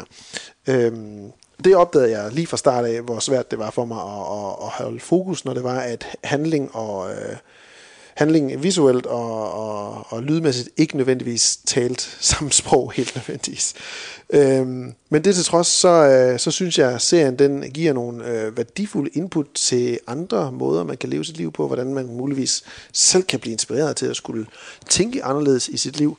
Og, øh, og, og, og, og, og hele det den, den verden, som den bygger op, det er, det er meget, meget charmerende. Men netop det her med, at hvor svært det er for mig, og kunne forestille mig for andre også, at holde koncentration, og du har helt ret, når du siger, at det er jo en virkelig utilgængelig serie, fordi det, det kan virkelig være svært at komme i gang med den, og holde fast virkelig også. Øhm, det gør også, at det trækker noget ned i den. Men som jeg sagde, når det er, at man endelig føler, at der er noget, der taler direkte til en, så, så griber det virkelig fast med, øh, med fangearmene omkring en. så jeg, jeg giver øh, The Midnight Gospel 6 af, af 8 øh, fangearme. Ja. Jeg giver The Midnight Gospel 3 af, af 8. Hold op. Øh, øh, hvad hedder det? En, en fangerarm for det femte afsnit, en fangerarm for øh, det ottende afsnit, og en fangerarm for det syvende afsnit, har jeg lyst til at sige. Altså de Ja. afsnit, som jeg nævnte i, øh, i vores øh, snak om, øh, om selve øh, serien, som jo ikke er en serie overhovedet, men bare virkelig en, en, visu, en, en mærkelig visualisering af den podcast, der hedder The Duncan Trussell Family Hour. Ja. Øh, Jeg synes, man skal prøve at lytte til podcasten og behandle den, ligesom man behandler The Joe Rogan Experience, altså som sådan en, en mere eller mindre venstreorienteret version af det Joe Rogan lærer, hvor han snakker med øh, sære typer og ligesom er meget imødekommende over for de vanvittige ting, de siger. Ja. Øh, når man så har gjort det, når man ligesom er inde i Duncan Trussell, så kan man meget bedre komme til øh, den her serie ved at våge påstå. Det har ikke det, jeg har gjort. Altså, jeg så først serien, og så hørte jeg, hørte jeg bagefter det her, men tænkte, at jeg godt have haft det den anden vej rundt. Mm. Øhm, øh, ja, fordi der får man lidt mere en følelse af, jamen, hvad er det, han snakker om, hvad er det her i den her serie, Midnight Gospel, der bliver det for, øhm, for utænkt, for svært tilgængeligt. Ja. Øh, og jeg kan simpelthen ikke anbefale, no, jeg, kan, jeg kan ikke se, hvem det er, der skal se, se den her serie. Altså hvem i Danmark i hvert fald. Jeg kan godt forestille mig, at der er, er nogle amerikanere, der, der er mere inde i den her verden. Ja, fordi øh, ja, det er også, altså, hvad skal man sige, sådan st- øh, stof, øh, syre-delen af det her, det er, det er jo meget syretrip-agtigt noget af det her, man ser. Det er alligevel noget, der ikke er så udbredt i Danmark, øh, end hvad man har idé om, at det ligesom er over i, øh, i USA.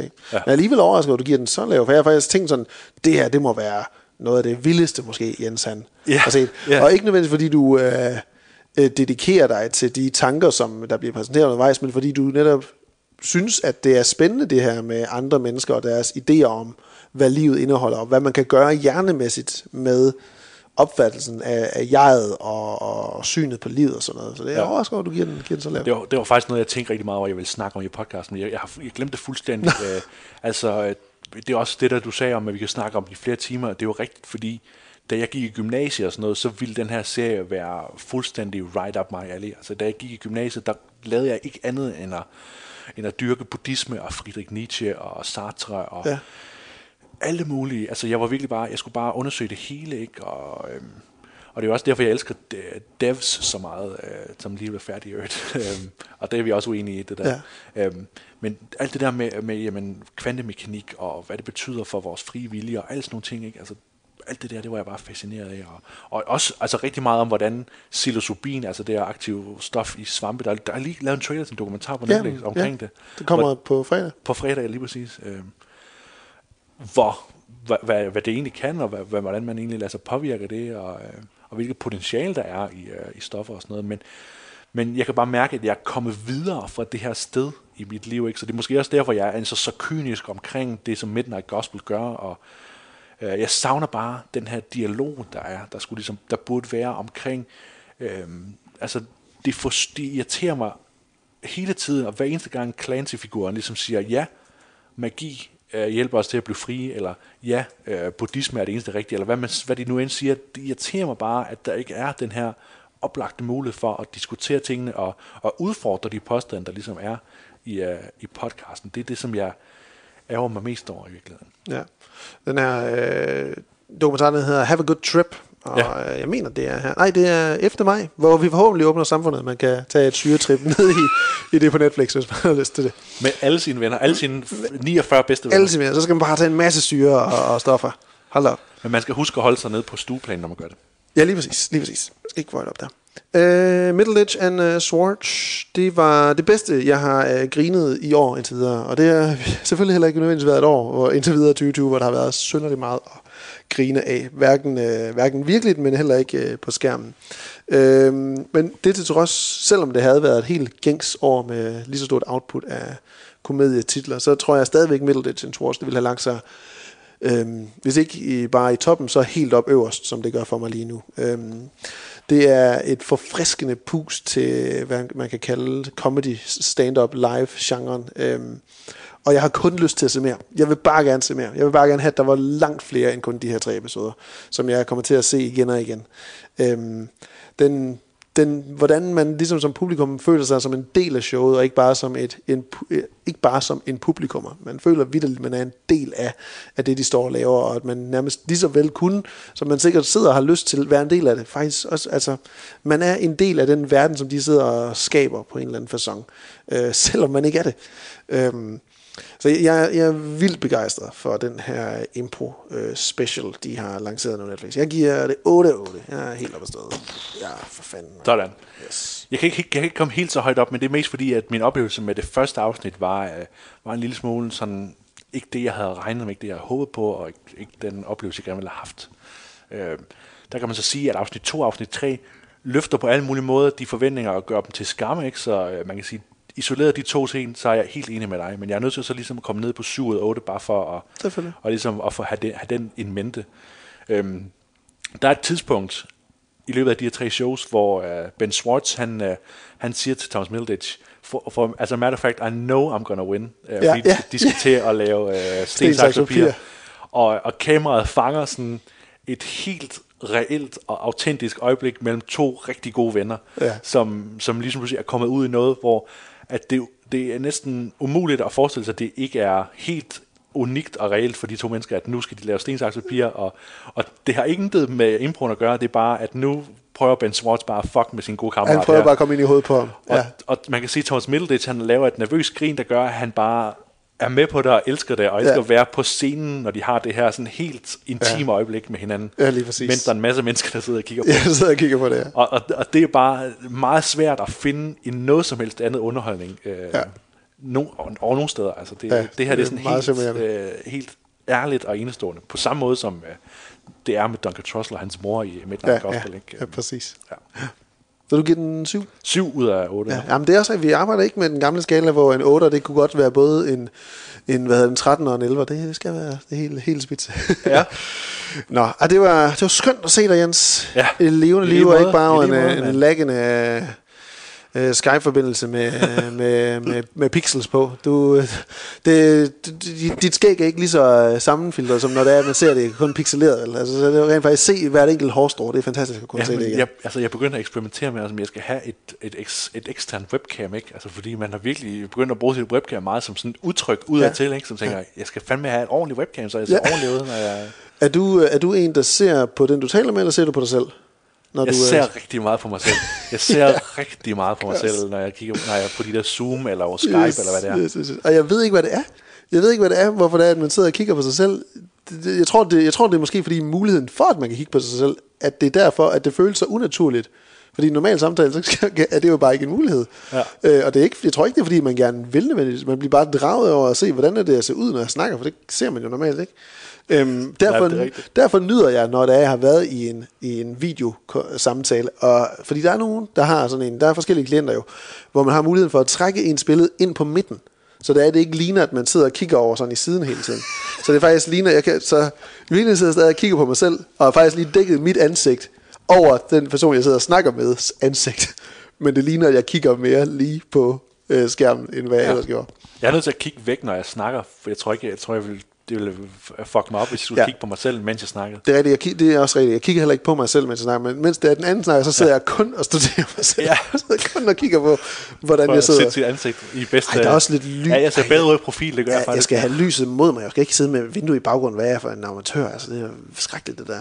Og sidde også, og når jeg sidder andre steder og sk- øh, skype sådan, kan du ikke godt vente dig rundt, så du har lyset ind på dit ansigt. Det er one-on-one, det her, for gode billeder.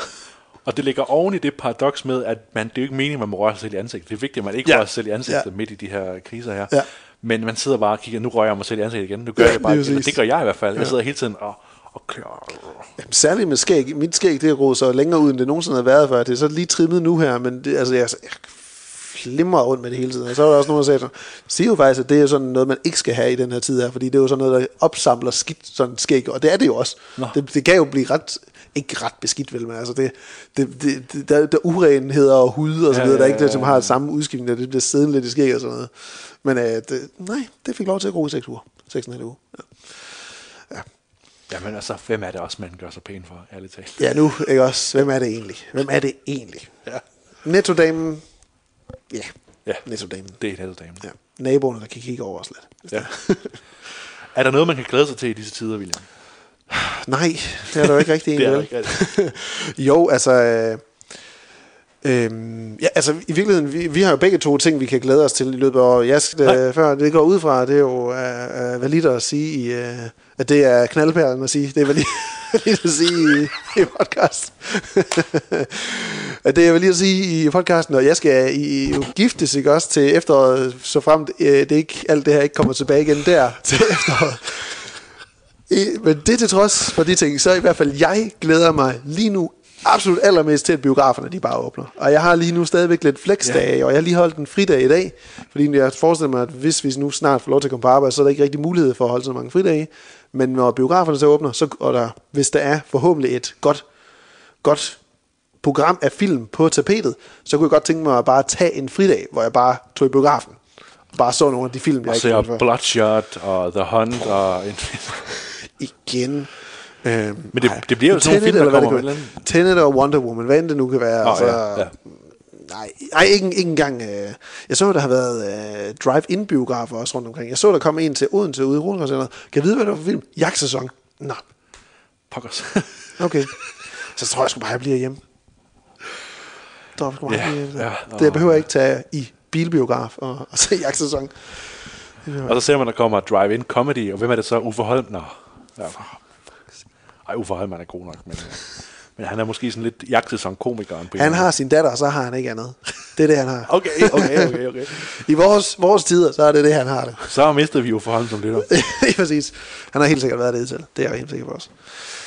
Nej, øh, fantastisk at se dig Jens. forhåbentlig kommer til at se hinanden og røre meget mere ved hinanden, end hvad vi kunne de sidste Ja, to måneder. ja. Det er Øhm. knaldperlen at sige. Ja. Var, øh, havde du noget, der du glædede dig til at se, Jens? Jeg glæder mig til at se uh, The Leftovers færdig. Det du startede på? Jeg startede på The Leftovers. Jeg har set hele Ja. første sæson. Ja, fantastisk. Ja. Simpelthen Damon Lindelof. Jeg er en erklæret. Damon Lindelof-fan. Sådan der. Og selvom han har lavet en rigtig lort. Ja. Øh, kan ikke lige huske, hvad det er, men øh, der er nogle film, han har skrevet, som er rigtig dårlige. Ja, ja, du er på hans vogn nu. Men nu er jeg på, altså... Øh, Det er, jamen, jeg, det er jo jeg både forstår hans sprog. The Hunt, du vil med alt, øh, alt inklusive finalen af Watchmen, og øh, så den efter også Prometheus. Så du, Ja, men det, jeg, jeg tror, jeg, jeg er ude på, ude på det plan, hvor jeg ligesom siger, at hvis jeg ser Se Prometheus, Prometheus nu, igen, ja. så forstår jeg det, fordi jeg ved, Yes. hvad det er, han vil sige nu. Jeg, jeg kender hans sprog. vi tager en uh, Holy Grail-anmeldelse af Prometheus næste gang. Ja, skal vi lave en Lindelof special? Ja, lige over- præcis en Lindelof special. Hvad er hans bedste værk? Nej, det er dejligt, og forhåbentlig så ser vi alle sammen frem mod øh, lidt mere tætte tider her, og ikke, øh, ikke, ikke, ikke alt for meget social distancering her nu i fremtiden. Forhåbentlig så bliver det i hvert fald snart sådan. The Last of Us 2 har fået øh, en, en release-dato Har den det? allerede her til juli. Ja, Ja. meget passende. At øh, hvis man endelig får lov til at komme ud, så skal man tage at blive inde og sidde og spille videospil. Ja, det er. Sådan et zombie, distet zombie-spil. Præcis. Nå, på iTunes, Spotify, Podimo, eller hvor end du finder din podcast, så kan du lytte til en lang række af række 8 programmer, omhandlende alt lige fra film og tv-serier til gaming og teater. Når du finder os på iTunes, så må du meget gerne give programmet en rating, og eventuelt skrive en anmeldelse. Det må gerne være sød i hvert fald. For så hjælper du os med at finde nye lyttere og komme ud til et langt bredere publikum, og det vil da kun være spændende at høre fra dem og dem fra os. Måske. Jeg hedder William Bedorf Jensen. Og jeg hedder Valid Knaldperlen.